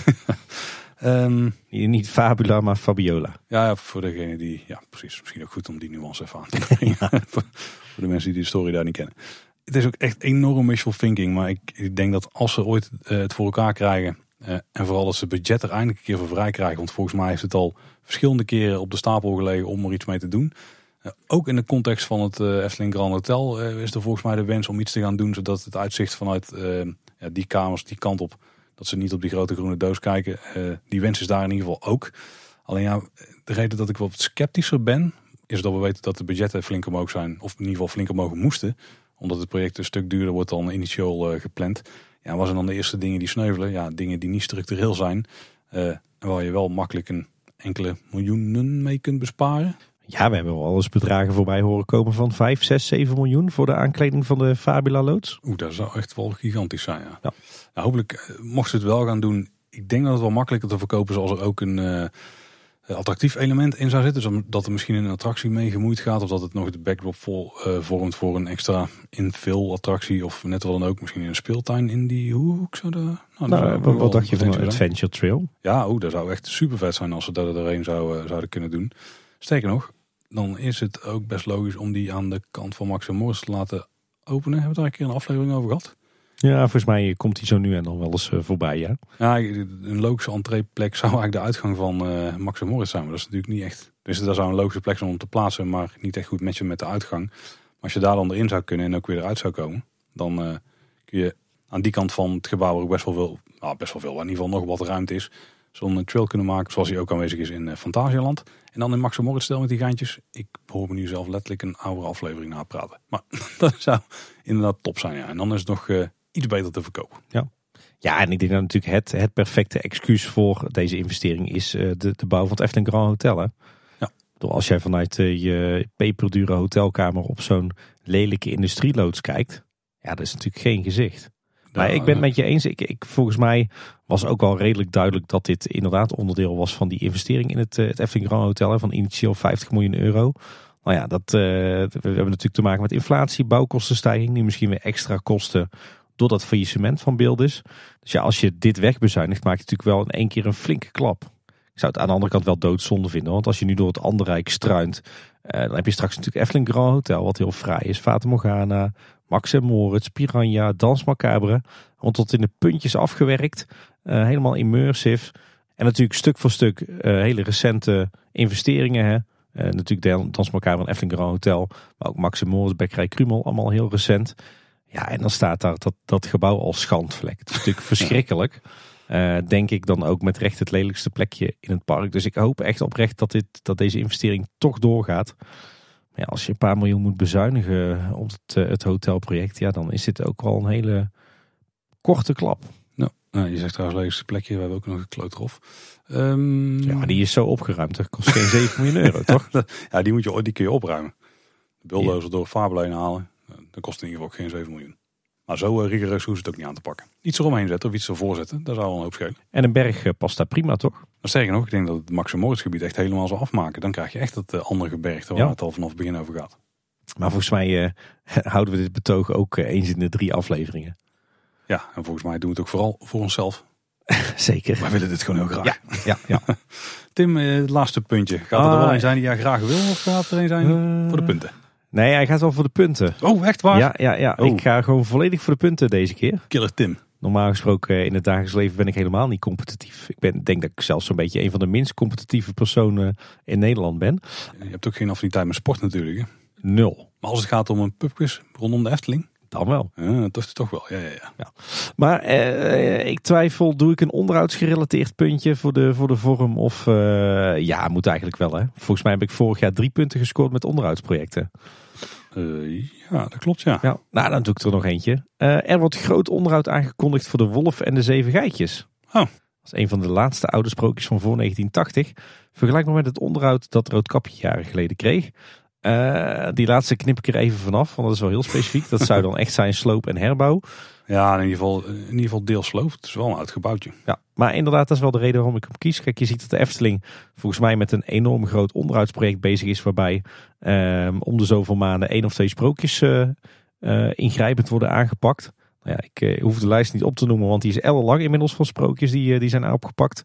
Nu, as we speak, spelen natuurlijk Doornroosje en de Zeemermin. We weten dat Hans en Grietje eraan komt. En het zou me niks verbazen als uh, uiteindelijk ook het huisje van de, de zeven geitjes aan bod komt. Zeker ook omdat dit ook weer uh, ja, zo'n typisch Eftelingsgebouwtje is. Wat volgens mij is opgebouwd uit oude takken, bossen en eh, steengaas en stukwerk. Wat natuurlijk constructief waardeloos is. Dus het zou me helemaal niet verbazen als dit een van de volgende sprookjes is die aan de beurt komen. En niet zo uitlegt klinkt dit eigenlijk wel heel aannemelijk. Ja. ja. Maar dan zou het dus meer vergelijkbaar zijn misschien met Doornroosje onderuit. Dus dat uh, het gebouw blijft mogelijk staan, maar er worden wel wat significante aanpassingen gedaan om het allemaal gewoon in leven te houden. Ja, zoiets. Een beetje, een beetje magische klok hier Autoplein aanpakken. Ja, waar ook een deel wel, wel is afgebroken, maar ja. weer opnieuw is neergezet. Oké, oké. Okay. Toch nog een onderhoudspuntje erin kunnen fietsen, Tim. Hoort er wel bij, toch? Eigenlijk wel, eigenlijk wel. We hadden maar weinig, uh, nou, er überhaupt maar weinig volgens mij in staan. Nou, toch wel een aantal, wel een aantal. Nou Tim, dan hebben we er ieder tien genoemd. Tien voorspellingen voor Tim, tien voorspellingen voor Paul. En uh, de grote vraag is natuurlijk, en die kunnen we pas over een jaar beantwoorden. Hoeveel zijn er goed? Zullen we eens even nog kort doorlopen ieder? Even een resume over vlakke. Ja, mijn tien voorspellingen waren de opening van het Efteling Grand Hotel wordt uitgesteld naar 2025. Dans Macabre opent na zomer Efteling 2024. Twee openingsdingen. Villa Volta krijgt minstens één duidelijk aangepaste voorshow. De heropening van het Lurk Limoenhuis, Tim, maar niet per se als horeca. Transformatie van de Fabula hamburgerdoos wordt aangekondigd. Piraya krijgt nieuwe boten. Er worden nieuwe reguliere abonnementsvormen geïntroduceerd. Er komt het Digifotopas voor abonnementhouders. Ravelijn wordt minimaal één keer onderbroken door een actiegroep. En mijn laatste voorspelling. De Efteling kondigt een betaald hard ticket event aan. Kijk, en in welke tien had ik? Je kunt voortaan op basis van je kenteken uitrijden op de parkeerplaats. Het personeel bij Macabre krijgt themakleding. In navolging van de ezel worden meerdere punten zoals de kip en eend contactloos betaalbaar. Er wordt bekendgemaakt dat het Efteling Grand Hotel eigen sprookjesbos entree krijgt. De put van Assisi krijgt een nieuw thuis in de Efteling. De Efteling app krijgt een update waardoor alle sprookjes en verhalen in het Engels te beluisteren zijn. De beelden van Efteling in concert worden uitgebracht op DVD of YouTube. Papieren plattegronden worden niet meer in het zicht opgesteld. Je moet echt om vragen. De Coca-Cola suite wordt opgevolgd door een andere suite. En er wordt groot onderhoud aangekondigd voor de wolf en de zeven geitjes. Dat waren mijn eh, tien voorspellingen. Kijk, er zijn natuurlijk nog twintig voorspellingen die we niet hebben opgenoemd. Die eh, lopen zo nog even langs. Maar voordat we dat gaan doen, heel belangrijk, we moeten ook nog de tiebreaker inschatten. En dat is natuurlijk het aantal bezoeken wat de Efteling gaat ontvangen over 2023. Bezoeken, nogmaals, Ja, en laten we daarvoor alsjeblieft de definitie hanteren die de Efteling op dat moment hanteert in eh, de persberichten en het jaarverslag. Want als we hier nu moeten gaan definiëren wat ook alweer een bezoeker en een bezoek is, dan eh, belanden we in een discussie die nog een half uurtje kan duren. Ja, maar ze hebben ze afgelopen jaar wel beide gegeven. Dus we kunnen dan wel, als het goed is, gewoon varen op bezoeken. Wat het klassieke getal is wat normaal gesproken gecommuniceerd werd. Het hoogste getal van de twee. Eh, ja, dat is, het, ja, dat is 100% zeker trouwens. Wat, wat, wat niet op de mail gaat naar de provincie. Nee, nee maar dat is een, eh, een verhaal voor later, Tim. Ja. Ehm, voor nu, jij bent degene die eh, de winnaar was dit keer. Dus jij mag nou ook gaan schatten wat het aantal bezoeken van 2023 gaat zijn. Oké, dan schat ik hem in op 5,2 miljoen. Oh, Oké, Dan mag jij je zeggen, hoger of lager? dan ga ik voor hoger. Oké. Ik was denk ik voor 5,3 miljoen gegaan. Dus dan ga ik voor hoger. Ja, ja, ik, ik denk namelijk wat minder dan afgelopen jaar. Omdat er ook nog een beetje de inhaalslag in zat van heel veel mensen die hun eitje Mhm. moesten inhalen en zo. Dat over het algemeen wat rustiger voelt. 2022 voelde ook niet per se super druk. Op heel veel eh, momenten deed het wel wat verwacht. En de zomer viel wel wat tegen. Maar even voor de administratie. Jij, jij wint als het inderdaad eh, hoger is. Maar wat, eh, wat, wat schud je uit de mouw? 5,3 dan? 5,3 ga ik voor, ja. ja. Dat is misschien, nou. Nu we dat stukje administratie helemaal rond hebben, Tim, kunnen we gaan kijken naar de 20 voorspellingen die eh, we wel op de lijst hadden staan nog, maar die we niet hebben gekozen. En niet omdat ze per se slecht zijn, maar ze passen gewoon niet meer op onze lijstjes. Nee. Ehm, en dan beginnen we bij, eh, er komt een aankondiging dat de halve maan vervangen of gesloopt wordt. Ja, verwacht ik niet. Nee, ja, nou, misschien deels vervangen, maar niet dat die eh, zo rigoureus wordt aangepakt als bijvoorbeeld de Python of zo. Waarbij eh, het gros van de hele constructie en ook het decorelementen, die had de Python nog niet, maar dat die ook op de schop gaan. Maar die kans acht ik niet zo heel groot. Ik denk dat de Efteling liever wat er nu staat gewoon wil behouden. Ja, ik twijfel heel erg. Want eh, we zien natuurlijk dat, hè, dat, dat de Efteling de oorzaak van de problemen met eh, de halve maan eh, gevonden heeft. Maar dat ze nog niet per se verholpen zijn. Dat klopt wel. Ja. En ja, misschien zit er dan. Hè, want eh, ik heb wel het gevoel dat de Efteling de halve maan zeker wil behouden. Zowel als attractietype als qua thema. Dus misschien zit er dan toch wel een soort van operatie aan te komen. Zoals bij eh, de pagode. Waarbij echt zo'n beetje het hele attractiesysteem. Of eigenlijk het hele ritssysteem van eh, A tot Z gereviseerd is. Misschien krijgen we hier ook wel gewoon een, eh, een, eh, een nieuwe attractie in het bestaande decor. Ehm, maar of dat het binnen nu en een jaar het geval gaat zijn, ik denk het niet hoor. ja, en dat is ook niet echt vervanging. Hè? Dan is Nee. het gewoon een flinke revisie. Ja. De volgende is Caro stopt ermee en er wordt een nieuwe musical aangekondigd. Volgens mij hebben we die ook al eerder in de lijst gehad, vorig jaar. Ehm, toen is die ook niet gekozen. Deze zou zomaar kunnen. Gaan ook wel wat geruchten over rond, maar Ja, de gerucht op dit moment is dat Caro zou stoppen rond de opening van het Efteling Grand Hotel. En dat er dan een nieuwe musical komt, een soort Caro 2.0, met daarin het achtergrondverhaal van het Efteling Grand Hotel. Ja, dat is een beetje een wazig gerucht nog, maar dat zou ook te vroeg zijn. En dat geldt eigenlijk ook voor de volgende voorspelling, Tim. En dat is dat het Efteling Grand Hotel zijn eigen biertje zou krijgen. Daar kun je vergif op innemen dat het gaat gebeuren, want het zou precies in lijn liggen van de andere Efteling biertjes. Alleen nog te snel. Helemaal met jou eens. Ik denk dat de kans dat dit uitkomt eh, eh, 95% is. Ja, zoiets. Ja. Dus Ja. gelukkig iets hoger dan het percentage alcohol in het pilsje zelf. Eh, biertje zelf, sorry Boukje. Wat we ook niet hebben gekozen is, eh, er wordt een nieuw sprookje aangekondigd in het Sprookjesbos. Ja, ik neem die altijd graag mee, hè, maar ik durf het gewoon niet meer aan. Nee, ik denk dat er echt nog wel een keer een, een nieuw sprookje in het Sprookjesbos komt. Maar ja, wat daar het juiste moment voor is. Op zijn vroegste in ieder geval na de opening van het Grand Hotel. Ja, het is wel op zijn minst een jaar of vijf geleden. hè? 2019 was de laatste met ehm, de Zes Zwanen. Ja, toch denk ik dat, dat het komende jaar echt de focus volledig ligt op Dans Macabre. Eh, en het Grand Hotel en het naeilen van die investeringen. Ik denk niet dat ze dan heel snel daarna nog een sprookje gaan bouwen. Ja, en vooral dat ze dus eh, ook het Sprookjesbos nu zo grondig aan het, eh, aan het aanpakken zijn. Dat ze dan denk ik eerst afronden voordat ze iets nieuws gaan doen in het Sprookjesbos. Ja, als ik het zou moeten inschatten, dan zou ik zeggen op zijn vroegste nieuw sprookje in eh, 2026. Oeh, ik zou toch wel voor 25 Ja? willen gaan. Ja, want dan hebben we tussen Dans Macabre en de volgende ontwikkeling hebben we dan weer een sprookje. En dan komen een beetje die mensen die dan een de dure hotelkamer hebben geboekt om weer een nieuwe incentive te geven, zeg maar. Ja. Ik zie het wel zitten.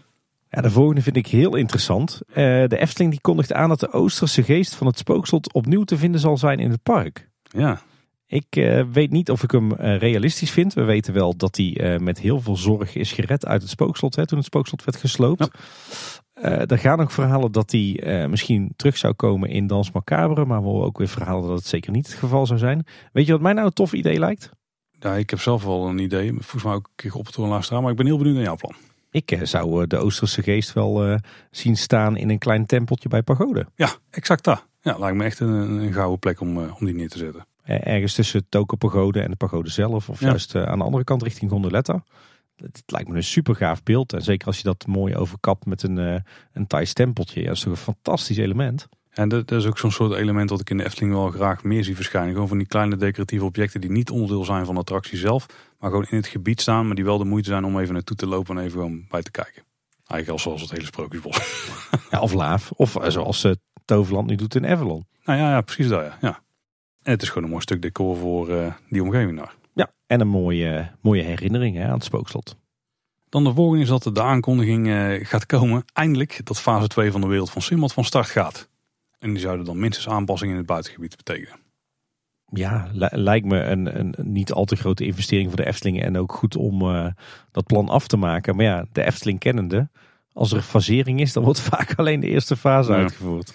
En er is nog eentje, een voorspelling die een beetje in die lijn ligt. De Vogelrok-wachtrij aanpassing wordt aangekondigd. Alsof die er al definitief gaat komen. Maar er worden aanpassingen aangekondigd aan de Vogelrok-wachtrij. Ja, ja, het zou kunnen. Maar ik weet niet of dat die focus daar nu eh, bij ligt. Ik denk dat op termijn die wens er wel is hoor. Maar dat dit gewoon nog niet het jaar is dat het gaat gebeuren. Nee, nou de wachtrij is natuurlijk al meermaals aangepast. Hè. Dan, ik hoop dan op een soort van thematisering van het opstapstation. Maar ik zie ze daar de komende tijd ook nog niet in investeren. Nee, nee. Maar- Eh, een andere voorspelling was, er wordt nog een aanpassing in het park gedaan. Die wordt gedaan vanwege een mogelijk racistische inslag of inclusiviteit. Zoals Carnaval Festival en Monsieur Cannibal. Ja. Ja, Ik zie niet echt plekken waar dit nu nog echt heel erg speelt. Nee, ik ook niet. Ja, je zou kunnen zeggen, ze zouden nog een keer een soort sweep door eh, Carnaval Festival kunnen maken. Ja, Of misschien Ja. dat Fata Morgana onder het gro- vergrootglas komt te liggen. Maar volgens mij zijn er op dit moment niet echt meer schrijnende situaties in de Efteling. nee, ik denk dat het hooguit de Azië scène in een Carnaval Festival nog eh, een beetje Ja. onder dit eh geschaard kan worden. Eens. Maar ik denk dat we daarvoor moeten wachten op de eerstvolgende grote onderhoudsbeurt in Carnaval Festival. En dan nog eentje, Tim, die is vreemd genoeg meermaals geopperd. Wel een hele toffe toevoeging, namelijk GPS-tracking van de stoomtrein in de Efteling-app. Dus dat je kunt zien in de app waar de stoomtrein rijdt. Lijkt mij wel heel vet, maar ik zie het niet heel snel gebeuren. Mm, Nee, ik vraag me af hoeveel mensen die werkelijk op zitten te wachten. Nou, in ieder geval twee, denk ik. Eh, een andere voorspelling die ik in ieder geval niet heel realistisch vond, is eh, aanpassingen aan P1, het hoofdparkeerterrein, zodat deze iets ruimer wordt. Ja, ook meermaals genoemd. Ja, ik snap de wens heel goed. Want Ja. ik, eh, nou, ik moet zeggen, ik kom tegenwoordig echt bijna nooit meer met de auto in de Efteling sinds de kinderwagen niet mee hoeft. Maar hier had ik altijd wel een hekel aan inderdaad. Parkeren op eh, P1 en dan aan het eind van de dag tussen al die kontjes van auto's door moeten. Maar ja, wat, wat maakt wat mij betreft deze voorspelling onrealistisch? Eh, ja, er wordt zo mooi gezegd wat aanpassingen doen. Maar volgens mij als je P1 wat ruimer wil maken, dan moet het echt gewoon grootschalig op de schop. En dan heb je het echt over een investering van miljoenen. Ja, en het grote nadeel zijn gewoon de bomen die er staan. Waarvan je de plek niet wil aanpassen, lijkt mij. En die kun je niet zomaar makkelijk verplaatsen. Nee. Die staan precies op de scheidingen van die parkeerstroken. Dus ja, dat wordt een eh, praktisch lastig verhaal. Maar ze moeten er ooit op termijn wel iets aan gaan doen. Dit werd overigens wel genoemd in de context ook van het Efteling Grand Hotel. Dat daar die VIP-parking dan Mhm. eh, bij zou moeten komen en zo. Wat dan onderdeel zou zijn van eh, wat er ooit zou kunnen gaan verschijnen. Daarvoor misschien nog net iets te snel. Maar ja, nou, ik, ik heb hem daarom ook niet eh, gekozen inderdaad.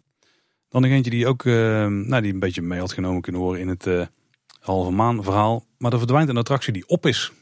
Hmm. Nou is de halve maan misschien wel de grootste kandidaat hier. Want volgens mij is de rest van het attractieaanbod redelijk goed op orde, toch? Ja, of valt Kleuterhof hier ook onder? Oeh. Nou, die zie ik trouwens ook het komende jaar nog niet verdwijnen hoor. Nou ja, volgens mij heeft de Efteling wel een aardige, de afgelopen jaren een aardige uh, opruiming gehouden wat betreft attracties die op zijn. Ja, en bijvoorbeeld uh, de oude tuffers die zijn volledig gereviseerd. Er zit een nieuw besturingssysteem onder. Gewoon nog volledig nieuwe wagens. De achtbanen zijn vrij goed op orde tegenwoordig. Ja, ik zie het ook niet. Uh... Nee, groot onderhoud voor de Piranha nu. Eigenlijk alle... Ja, Monsieur Cannibal is ook een oudje. Relatief oudje. Nou, ja. Die is ook helemaal opgeknapt. Nou, Spookslot uh, weet ook wat uh, daarmee is gebeurd. Droomvlucht heeft natuurlijk grootschalige onderhoudsbeurt gehad. Uh, Fata Morgana meermaals. Ja, volgens mij zijn zo'n beetje alle attracties uit de jaren 80 en 90 al wel een paar keer aan de beurt geweest. Ja, die zijn allemaal op orde. Ja. ja. Um, dan nog een andere sprookjesbos in- en uitgang, Tim. Maar in dit geval gaat er over eentje richting de Pardoespromenade. Er komt weer een sprookjesbos in- en uitgang in de buurt van Pinocchio. Ja, lijkt mij niet. Tenzij voor hotelgasten. Maar die hadden we daarnet al uh, voorspeld natuurlijk. En die zou ook op een net ander plekje komen. Ja, nee, ja, ik kan me niet voorstellen dat ze hier eerst die zijingang van het Sprookjesbos weghalen. En definitief uh, groen aanplanten. Om vervolgens een jaar later weer een, uh, op dezelfde plek dezelfde ingang terug te leggen. Nee, ik denk, ik denk dat hier wel iets gaat komen. Maar dan echt puur en alleen voor hotelgasten. Ja, ik heb nog zitten kijken. Maar het lijkt me sterk dat hij terugkomt. Tenzij ze vinden dat ze een enorm grote fout hebben begaan er wel een beetje mee eens ben. Want ik gebruikte die ingang toch wel echt enorm vaak. Vooral als uitgang trouwens hoor. Ja, het was een fantastische afsnijroute hè, om vanuit het, het Marenrijk naar de uitgang te komen van het park. Ja, er is praktisch niet echt per se een reden dat die weg moest. Nou, dat is, uh, daar hebben we verder weinig over te zeggen. Tim, de volgende vind ik echt een schitterende. Waarvan ik ook met mijn heel mijn hart hoop dat dit gaat gebeuren. Maar ik zie het gewoon niet, uh, niet gebeuren dat hier uh, nu geld in wordt gestopt. Sterker nog, ik denk dat de eerste volgende keer dat ze dit element van het park gaan aanraken, dat die gewoon volledig gaat verdwijnen. Ja. De fietsenstalling gaat worden opgeknapt. En er stond optioneel bij, met voortaan weer een personeelslid altijd aanwezig. Ja, ik denk dat wij het wel met elkaar eens zijn dat, uh, dat de fietsenstalling echt wel wat, wat liefde nodig heeft. Zeker als je wilt stimuleren dat mensen op de fiets aan de Efteling komen. Want het ligt er nu natuurlijk een beetje bij als een bende. Mag ik op scherp stellen? Jij zei net, de Fabula-doos is een van de lelijkste plekjes van de Efteling. De fietsstalling wint het daar misschien wel van. misschien wel. Hij komt uit, we staan denk ik op gelijke hoogte op dit moment. Ja. Ah, op zich, het uiterlijk maakt me nog niet zo heel erg veel druk om. Maar het is met name het, uh, het gebrek aan toezicht en veiligheid. En het feit dat er fietsen worden gejat. Dat is natuurlijk niet wat je wil als je mensen wilt stimuleren om naar de Efteling te komen op de fiets. Maar ja, als ik zie uh, wat voor terugtrekkende bewegingen de Efteling maakt van de fietsenstalling. Hè, die toch in een paar jaar tijd uh, vanuit een hele nette bewaakte fietsenstalling naar dit is verworden wat het nu is dan verwacht ik niet dat ze hier nog uh, flink op gaan inzetten qua investering. In ieder geval niet het komende jaar. De volgende gaat uh, wederom over Ravelijn en ook over de dieren daar. Er zou een aankondiging komen van een nieuwe Ravelijn show zonder paarden. Ik denk dat het moment er echt wel gaat komen binnen nu en vijf jaar, maar niet het, het komende jaar al. Nou ja, en ik vraag me af hoe je een Ravelijn show zonder paarden überhaupt gaat doen. Want dan valt het hele idee van de ruiters en zo al uh, een beetje om. Dus dan zouden ze daar misschien iets nieuws voor moeten gaan verzinnen. Nou, er komt toevallig een nieuw boek uit rondom Ravelijn, waarbij boten en zo een rol gaan spelen. Biedt weer, biedt weer mogelijkheden voor de toekomst. Daar heeft Pidufu ook ervaring mee, hè? Ja, dat zat ik ook net te denken. Ja. Een andere voorspelling die we niet gekozen hebben, of althans deels, is de aankondiging van groot onderhoud aan Villa Volta, vergelijkbaar met de Droomvlucht en Piranha. Uh, ja, nou ja, ik denk dat het uh, er ook nog wel van gaat komen.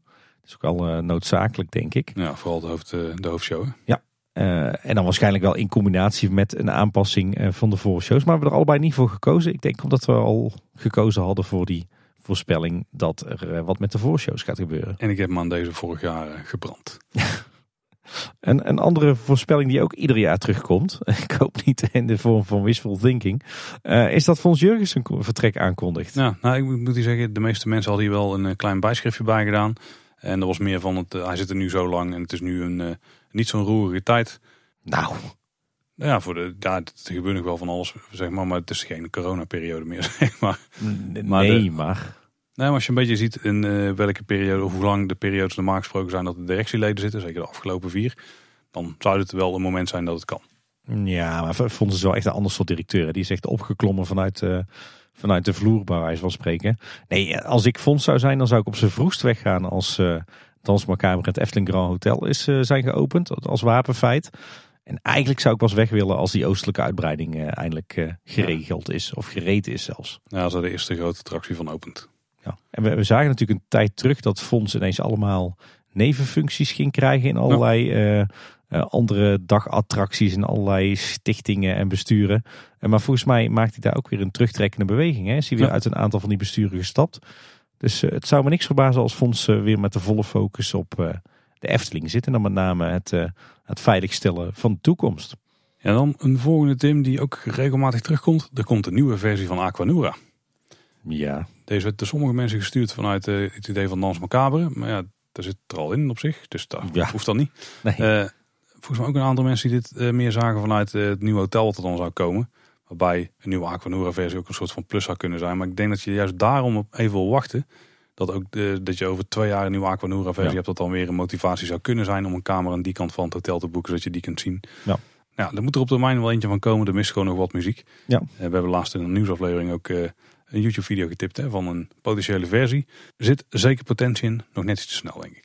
Ja, ik zie de urgentie ook niet zo op dit moment. Nee, het zal er vast wel een keer van komen. Maar als je toch ziet wat de investering is in geld en tijd. Eh, dan denk ik dat dit even geen prio heeft binnen de Efteling. Ja. Ja, dan nu het vacatureblokje, Tim. Oh, het is geen, is geen nieuwsaflevering. Nee. Um, maar deze gaat daar wel over. Er wordt nog een extra Efteling-ontwerper aangetrokken. Of er komt op zijn minst een vacature voor open te staan. Het is natuurlijk de vraag dat ze niet direct iemand recruteren of dat ze het weer via een vacature doen. Maar uh, dit, werd, uh, dit werd meermaals geopperd, Tim. Ik vond het wel mooi. Ja, ja. Ja, zou kunnen. Maar op zich is de ontwerpafdeling voor mijn gevoel wel op uh, oorlogsterkte, toch? Ja, volgens mij ook wel. Maar er lopen nu natuurlijk een aantal grote dingen die ja, er gaan de toekomst natuurlijk ook nog wel ontwikkelingen plaatsvinden. Ik weet het niet, misschien als de behoefte er is dat het gaat gebeuren, maar ik durf het er in ieder geval niet in te zetten. Uh, nog een voorspelling, dat is de allerlaatste alweer trouwens. Op zijn minst één toiletgroep wordt omgebouwd naar een genderneutraal toilet. Dus even voor de volledigheid, te zien dat er een nieuw genderneutraal toilet bij komt. Met Efteling Hotel zou dan namelijk, zoals het er nou uitziet, wel gaan gebeuren. Dat een bestaande toiletgroep dus omgebouwd zou worden naar een genderneutraal toilet. Het kan, maar er is net een, eh, een hele hoop van het toilet al aangepast. Ik zie er zijn er nog wel twee die wel moeten. Ja, maar bij die drie toiletgroepen, of vier eigenlijk, die recent zijn gerenoveerd, hebben ze er bewust voor gekozen om die niet genderneutraal in te richten. Nee, maar ook om de globale indeling überhaupt niet aan te passen. Ja, nu natuurlijk wel bij de laatste hoop en we krijgen het wellicht, of hoogstwaarschijnlijk bij uh, het Efteling Grand Hotel. Dus ik denk dat ze het zo doen, dus dat ze het uh, gewoon bij de nieuwe toiletten meenemen, maar dat ze de bestaande toiletten qua indeling handhaven. Ja. En uh, tot slot. Oh, er was nog één inderdaad, sorry. ja. Eentje die ik wel uh, vrij kansrijk acht was eigenlijk mijn eerste eervolle vermelding als het ware. De Python krijgt eigen muziek. Ah, ja. We zien in de, in de Efteling laatste jaar toch wel een beweging dat alles wat los en vast zit zijn eigen muziek krijgt. En de, de Python heeft hij nog niet echt. Zou ik heel tof vinden, ja. Volgens mij wel een aardige quick win. Ik denk dat René daar helemaal niet zo gek veel voor vraagt. Ik hoop dat hij er zat voor vraagt, want het moet wel iets moois worden. ja, maar ik denk dat het niet per se een hele grote investering is natuurlijk. Ja, en daarmee zijn we er wel echt doorheen, Tim. We hebben de 40 voorspellingen nu gehad. Um, wat misschien wel interessant was, is dat uh, ik ook heb bijgehaald wat een beetje de meest populaire voorspellingen waren. Die er door onze luisteraars waren ingezonden. Misschien helpt het jullie luisteraars om uh, keuzes te maken. Uh, we hebben ze niet allemaal meegenomen, nee. Maar de meest populaire inzendingen waren nou, met stip wel dus dat de opening van het Efteling Grand Hotel wordt uitgesteld naar 2025. daarna dat er nieuwe reguliere abonnementsvormen geïntroduceerd gaan worden. Ook die van die aankondiging van een nieuwe Ravelijn show zonder paarden, die is heel vaak genoemd. Oké. Ook dingen rondom de wachtrij van Vogelrok. Uh, verschillende uitingen daarvan, maar die kwam heel vaak terug. Ja, dat de halve maan dan uh, mogelijk gesloopt zou worden, die kwam heel vaak terug. En ook verrassend vaak kwam Fons kondigt vertrek aan. Uh, die zag ik heel vaak langskomen. Ja, maar je hebt toch af en toe een iets andere mening over de, het komende jaar. Ja, ja, met het feit dat, dat ze meermaals werden ingestuurd wil op zich niks zeggen van hoe groot de kans dat het daadwerkelijk gaat gebeuren. Hey Tim, we hebben ook nog een paar eervolle vermeldingen in onze voorspellingen. Die waren gewoon interessant genoeg of opzicht genoeg om mee te nemen. Zullen je er nog eens een paar opnoemen? Ja, jij hebt ze, jij hebt ze verzameld hè, uit alle inzendingen die we hebben ontvangen. Nou, let op. We kregen van Pim een aantal binnen en die schreef... Na al in de Efteling tentoonstelling te hebben gezeten... wordt Kleine Boodschap nu ook officieel opgenomen in het Efteling Museum. Paul moet daar huishoudelijke klusjes uitvoeren... en voor Tim wordt op een binnenpleintje een kopie van de kooi van Hans nagebouwd. Verfraaid met pironnetjes. Natuurlijk. Wanneer hem gevraagd wordt om zijn vinger door de tralies te steken... hinkt hij op twee gedachten. Ik vind het eigenlijk wel toepasselijker dat ik de huishoudelijke klusjes doe. Ja, ik weet ook eigenlijk niet precies waarom ik die uh, moet doen. Maar ik doe de huishoudelijke mededeling in de aflevering aan het begin. Misschien dat het daar over gaat. Uh, Pim die schrijft ook met zijn tweede voorspelling... Dans Macabre wordt geopend, maar de spookslotfans komen in opstand. De muurtjes zijn terecht en ze doen het spookslot geen eer aan. Nou Tim, waar waren wij al in protest denk ik. Eerst is het nog een eh, vredig protest waarbij de sloop wordt geëist. En door onnoembare omstandigheden verandert de sfeer en gaat de meute met hamers en bijtels los op de gebouwen in Huiverwoud. En als de stofwolk optrekken is er niet veel meer dan ruïnes te zien. En is iedereen tevreden. Ik vraag me bijna af of Pim niet stiekem Eftelbakkers is op, uh, op Twitter of op Zo. X. Dat zou kunnen ja. Eentje die we kregen van Jurian. Die schrijft namelijk, de tekening is een impressie. Was gewoon een verhaal. En de bouw van een nieuw station voor de stoomtrein bij het Grand Hotel wordt aangekondigd. Huh, zou ik wel mooi vinden. Zou ik wel mooi vinden. En toch geloof ik er niet in. Nee, ik ook niet.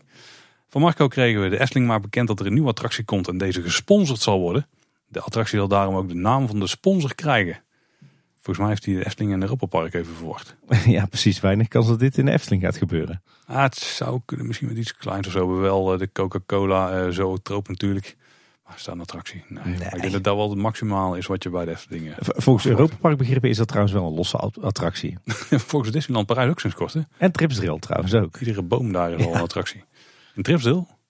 Zijn er Ja, ook, daar, eh, daar had je toch, jij hebt mij laatst verteld in de aflevering van de buitenwereld dat je daar ook iets van 80 attracties had. Ja, dat klopt wel. Ik heb ze niet allemaal gecheckt. Nee, maar die heb ik heel veel echt kleine dingen. Ja. Saskia die had ook nog een, een eh, mooie voorspelling. Tim en Paul komen voor in een documentaire tentoonstelling van of over de Efteling. Het moet wel echt een tentoonstelling of documentaire zijn. Niet gewoon een nieuwsbericht of een blogbericht. Ja, We zaten in het ook over het spookslot, toch? Ja, ja. Is dat genoeg? Ik denk dat ze wel iets meer, eh, iets meer verwacht. Nou, dat zou echt eh, te veel eer zijn, toch? Eh, dat klopt. Nou, we krijgen soms ook trouwens, Tim, eh, inzendingen. Die zijn iets te voor de hand liggend waarmee je een 100% score zou halen. Die, die zijn meer een feit dan een voorspelling. Ja, dus eh, Alex had er eentje die daaronder viel. Die schrijft, de legende van een familie Vos is alweer een belabberde film en krijgt slechte recensies. Sorry mensen die daar aan meewerken, maar we hebben er niet zoveel vertrouwen in. Dat, eh, dan hebben we het over aan eh, zekerheid grenzende waarschijnlijkheid, toch? Ja, ja, en dat is eh, net iets wat we niet willen in deze aflevering. Nee. Het moet gewoon net kunnen gebeuren of niet. Alex had ook nog wel een andere trouwens. Aflevering 400 van Kleine Boodschap wordt groot gevierd in de Efteling met 400 luisteraars. Schrijft daar ook bij. Hint. Zouden wij wel willen, denk ik toch? Ja, nou, ik weet niet of we in de Efteling gaan vieren met 400 luisteraars. Maar we gaan in ieder geval rond die tijd vast wel weer proberen om iets te doen. Komt Eén één nadeel in het klavier past nog maar 200. Tw- ja, Ah, 250. 250. Ja. Nou, als we heel veel mensen op stoelen zetten of in hurkhouding op de grond, kan het misschien, ik weet niet of de brandweer het goedkeurt. nee, ik denk het niet. En Andy die had vooral een hele toffe suggestie eigenlijk. Eh, maar ja, misschien iets te klein om mee te nemen. Maar hij schrijft Dans Macabre opent met een nieuwe persoonlijke ervaring. Vergelijkbaar met Kniezoor. eh, maar dan waarbij de namen van de bezoekers op grafstenen verschijnen. Hmm. Ik vind hem wel heel vet. Hij is eh, leuk verzonnen. Ja. Op zich wel, eh, wel mooi om eh, zoiets interactiefs in de wachtrij te verwerken. Ik weet niet of dit net iets te luguber is voor de Efteling. maar het zou zomaar kunnen met de functionaliteiten van de app. Er ligt inmiddels zoveel leidingmerk daar door de grond heen dat het zomaar zou kunnen dat er op een paar plekken iets gaat gebeuren. Ja, precies. Je moet er alleen wel heel tof uitzien en op hoe je het dan realistisch op een grafsteen laat lijken, dat is een interessante kwestie. Dat kon ik me niet voorstellen. In een binnen, binnen de gecontroleerde omgeving is dat makkelijker, alleen buiten in de wachtrij lastig. Maar het zou wel echt super vet zijn. Gebit ooit nooit. Zekers. Hey Tim, volgens mij zijn we er doorheen. Ja, we hebben allebei onze tien eh, voorspellingen geselecteerd. Hè. Dat was natuurlijk het, eh, het hoofddoel van deze aflevering. Hoe, eh, hoe voel je je? Wat denk je dat je gaat doen qua voorspellingen? Ah, ik hoop toch minimaal net als vorig jaar vijf goed. Vijf. Ja, ik denk ook wel dat het gaat lukken. Oeh, ik, ik denk dat ik een stuk of vier er binnen tik. Dus dan sta ik nu wel op achterstand. Maar dat komt ook door mijn wishful thinking item erin. Maar je gaat daar zien, Tim. Die gaan de doorslag geven. Ja, die boegbeelden van de Vliegende Hollander, dat, Daar zit me nog steeds dat dwars. geeft de burger moed. Ja. En mocht je nou eh, denken van, eh, dit is eigenlijk best wel tof. En ik ben best wel benieuwd wat die hier in de vorige aflevering hebben besproken. We zullen linkjes in de show notes plaatsen naar de vorige glazen bol afleveringen. Maar voor iedereen die je meeschrijft, het zijn aflevering 175, 237 en 296. Het is echt een traditie, hè? Dus eh, dan heb je ze alle vier op een rijtje. En volgend jaar komt er gewoon weer eentje bij. Dan zitten we inmiddels rond aflevering, nou dan zitten we rond aflevering 410 of zo denk ik. Dat zou zomaar kunnen. En luisteraars, jullie hebben natuurlijk meegekregen eerder in deze aflevering dat je vorig jaar ook je eigen voorspellingen kon insturen. Of in ieder geval eh, jouw setje van 10 voorspellingen waarvan je denkt dat ze gaan plaatsvinden voor 1 oktober 2024. Kan dit jaar weer. We hebben de glazen bolpagina op onze website hebben aangepast dat je daar nu je eigen voorspelling kunt doorgeven. Dus je eigen rijtje van 10. Eh, nogmaals met het voordeel dat je dan uit alle 40 kunt kiezen en niet beperkt bent door iemand die tegenover je zit en die al die goede voorspellingen wegkaapt, Tim. Ja, sorry Paul, dat is wat, wat jij van mij vraagt, toch? Ja, dat, dat is wel waar. Ik heb hopelijk het ook een beetje bij jou gedaan. Als je naar kleineboodschap.com slash glazenbol gaat, of kleineboodschap.com slash de glazenbol, het kan eigenlijk niet fout gaan, dan vind je daar het linkje waar je die eigen lijstjes kunt insturen. Maar je kunt erbij wel alleen maar kiezen uit de 40 waaruit wij ook hebben kunnen kiezen. En verder heb je in het algemeen iets aan ons te melden of wil je iets anders kwijt, dan kan dat via heel veel verschillende kanalen. Als je naar kleineboodschap.com slash volgen gaat, we hebben heel veel van die subpagina's, dan vind je daar alle social media kanalen waar wij te vinden zijn en waar je ook een, een berichtje kunt sturen of een DM'tje of iets met ons kunt delen. Ja, en verder kan je ons ook mailen op info.kleineboodschap.com. En we hebben een website, dat is kleineboodschap.com. Je hebt hem al vaker gehoord. Daar vind je alle afleveringen, alle show notes, dat zijn de relevante linkjes bij de afleveringen.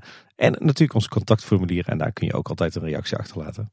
Ik denk dat we het beste luisteren zijn in de verschillende podcast apps, want dan kun je jezelf abonneren en dan komt er iedere, nou sowieso iedere maandag een nieuwe kleine boodschap aflevering uh, voor je in de feed terecht. En ik weet nog niet zeker of dat die uiteindelijk opgenomen gaat worden, maar we hebben mogelijk een bonusaflevering uitgebracht afgelopen week. Misschien komt die nog deze week. Dat is niet helemaal duidelijk. Die moeten we nog uh, gaan maken.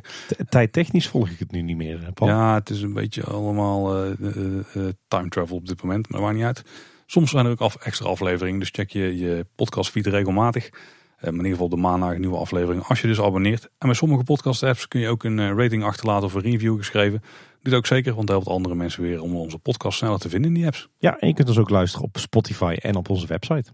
En heb je nou misschien in je vriendenkring iemand zitten die echt enorm goed is in het voorspellen van uh, nou, dingen die rondom themaparken gebeuren en zo. Misschien moet je die deze aflevering eens even laten luisteren. Zodat ze ook hun eigen voorspellingen kunnen insturen of hun eigen lijstjes. Uh, want uiteindelijk werkt het, uh, het op de hoogte brengen van vrienden en kennissen van Kleine Boodschap toch het beste. Misschien is dit wel de aflevering waarbij je een van je vrienden aanhaakt. Ja, hoort zegt het voort hè. Absoluut was in ieder geval weer voor deze week. Bedankt voor het luisteren. Tot de volgende keer. En houdoe. Houdoe waar.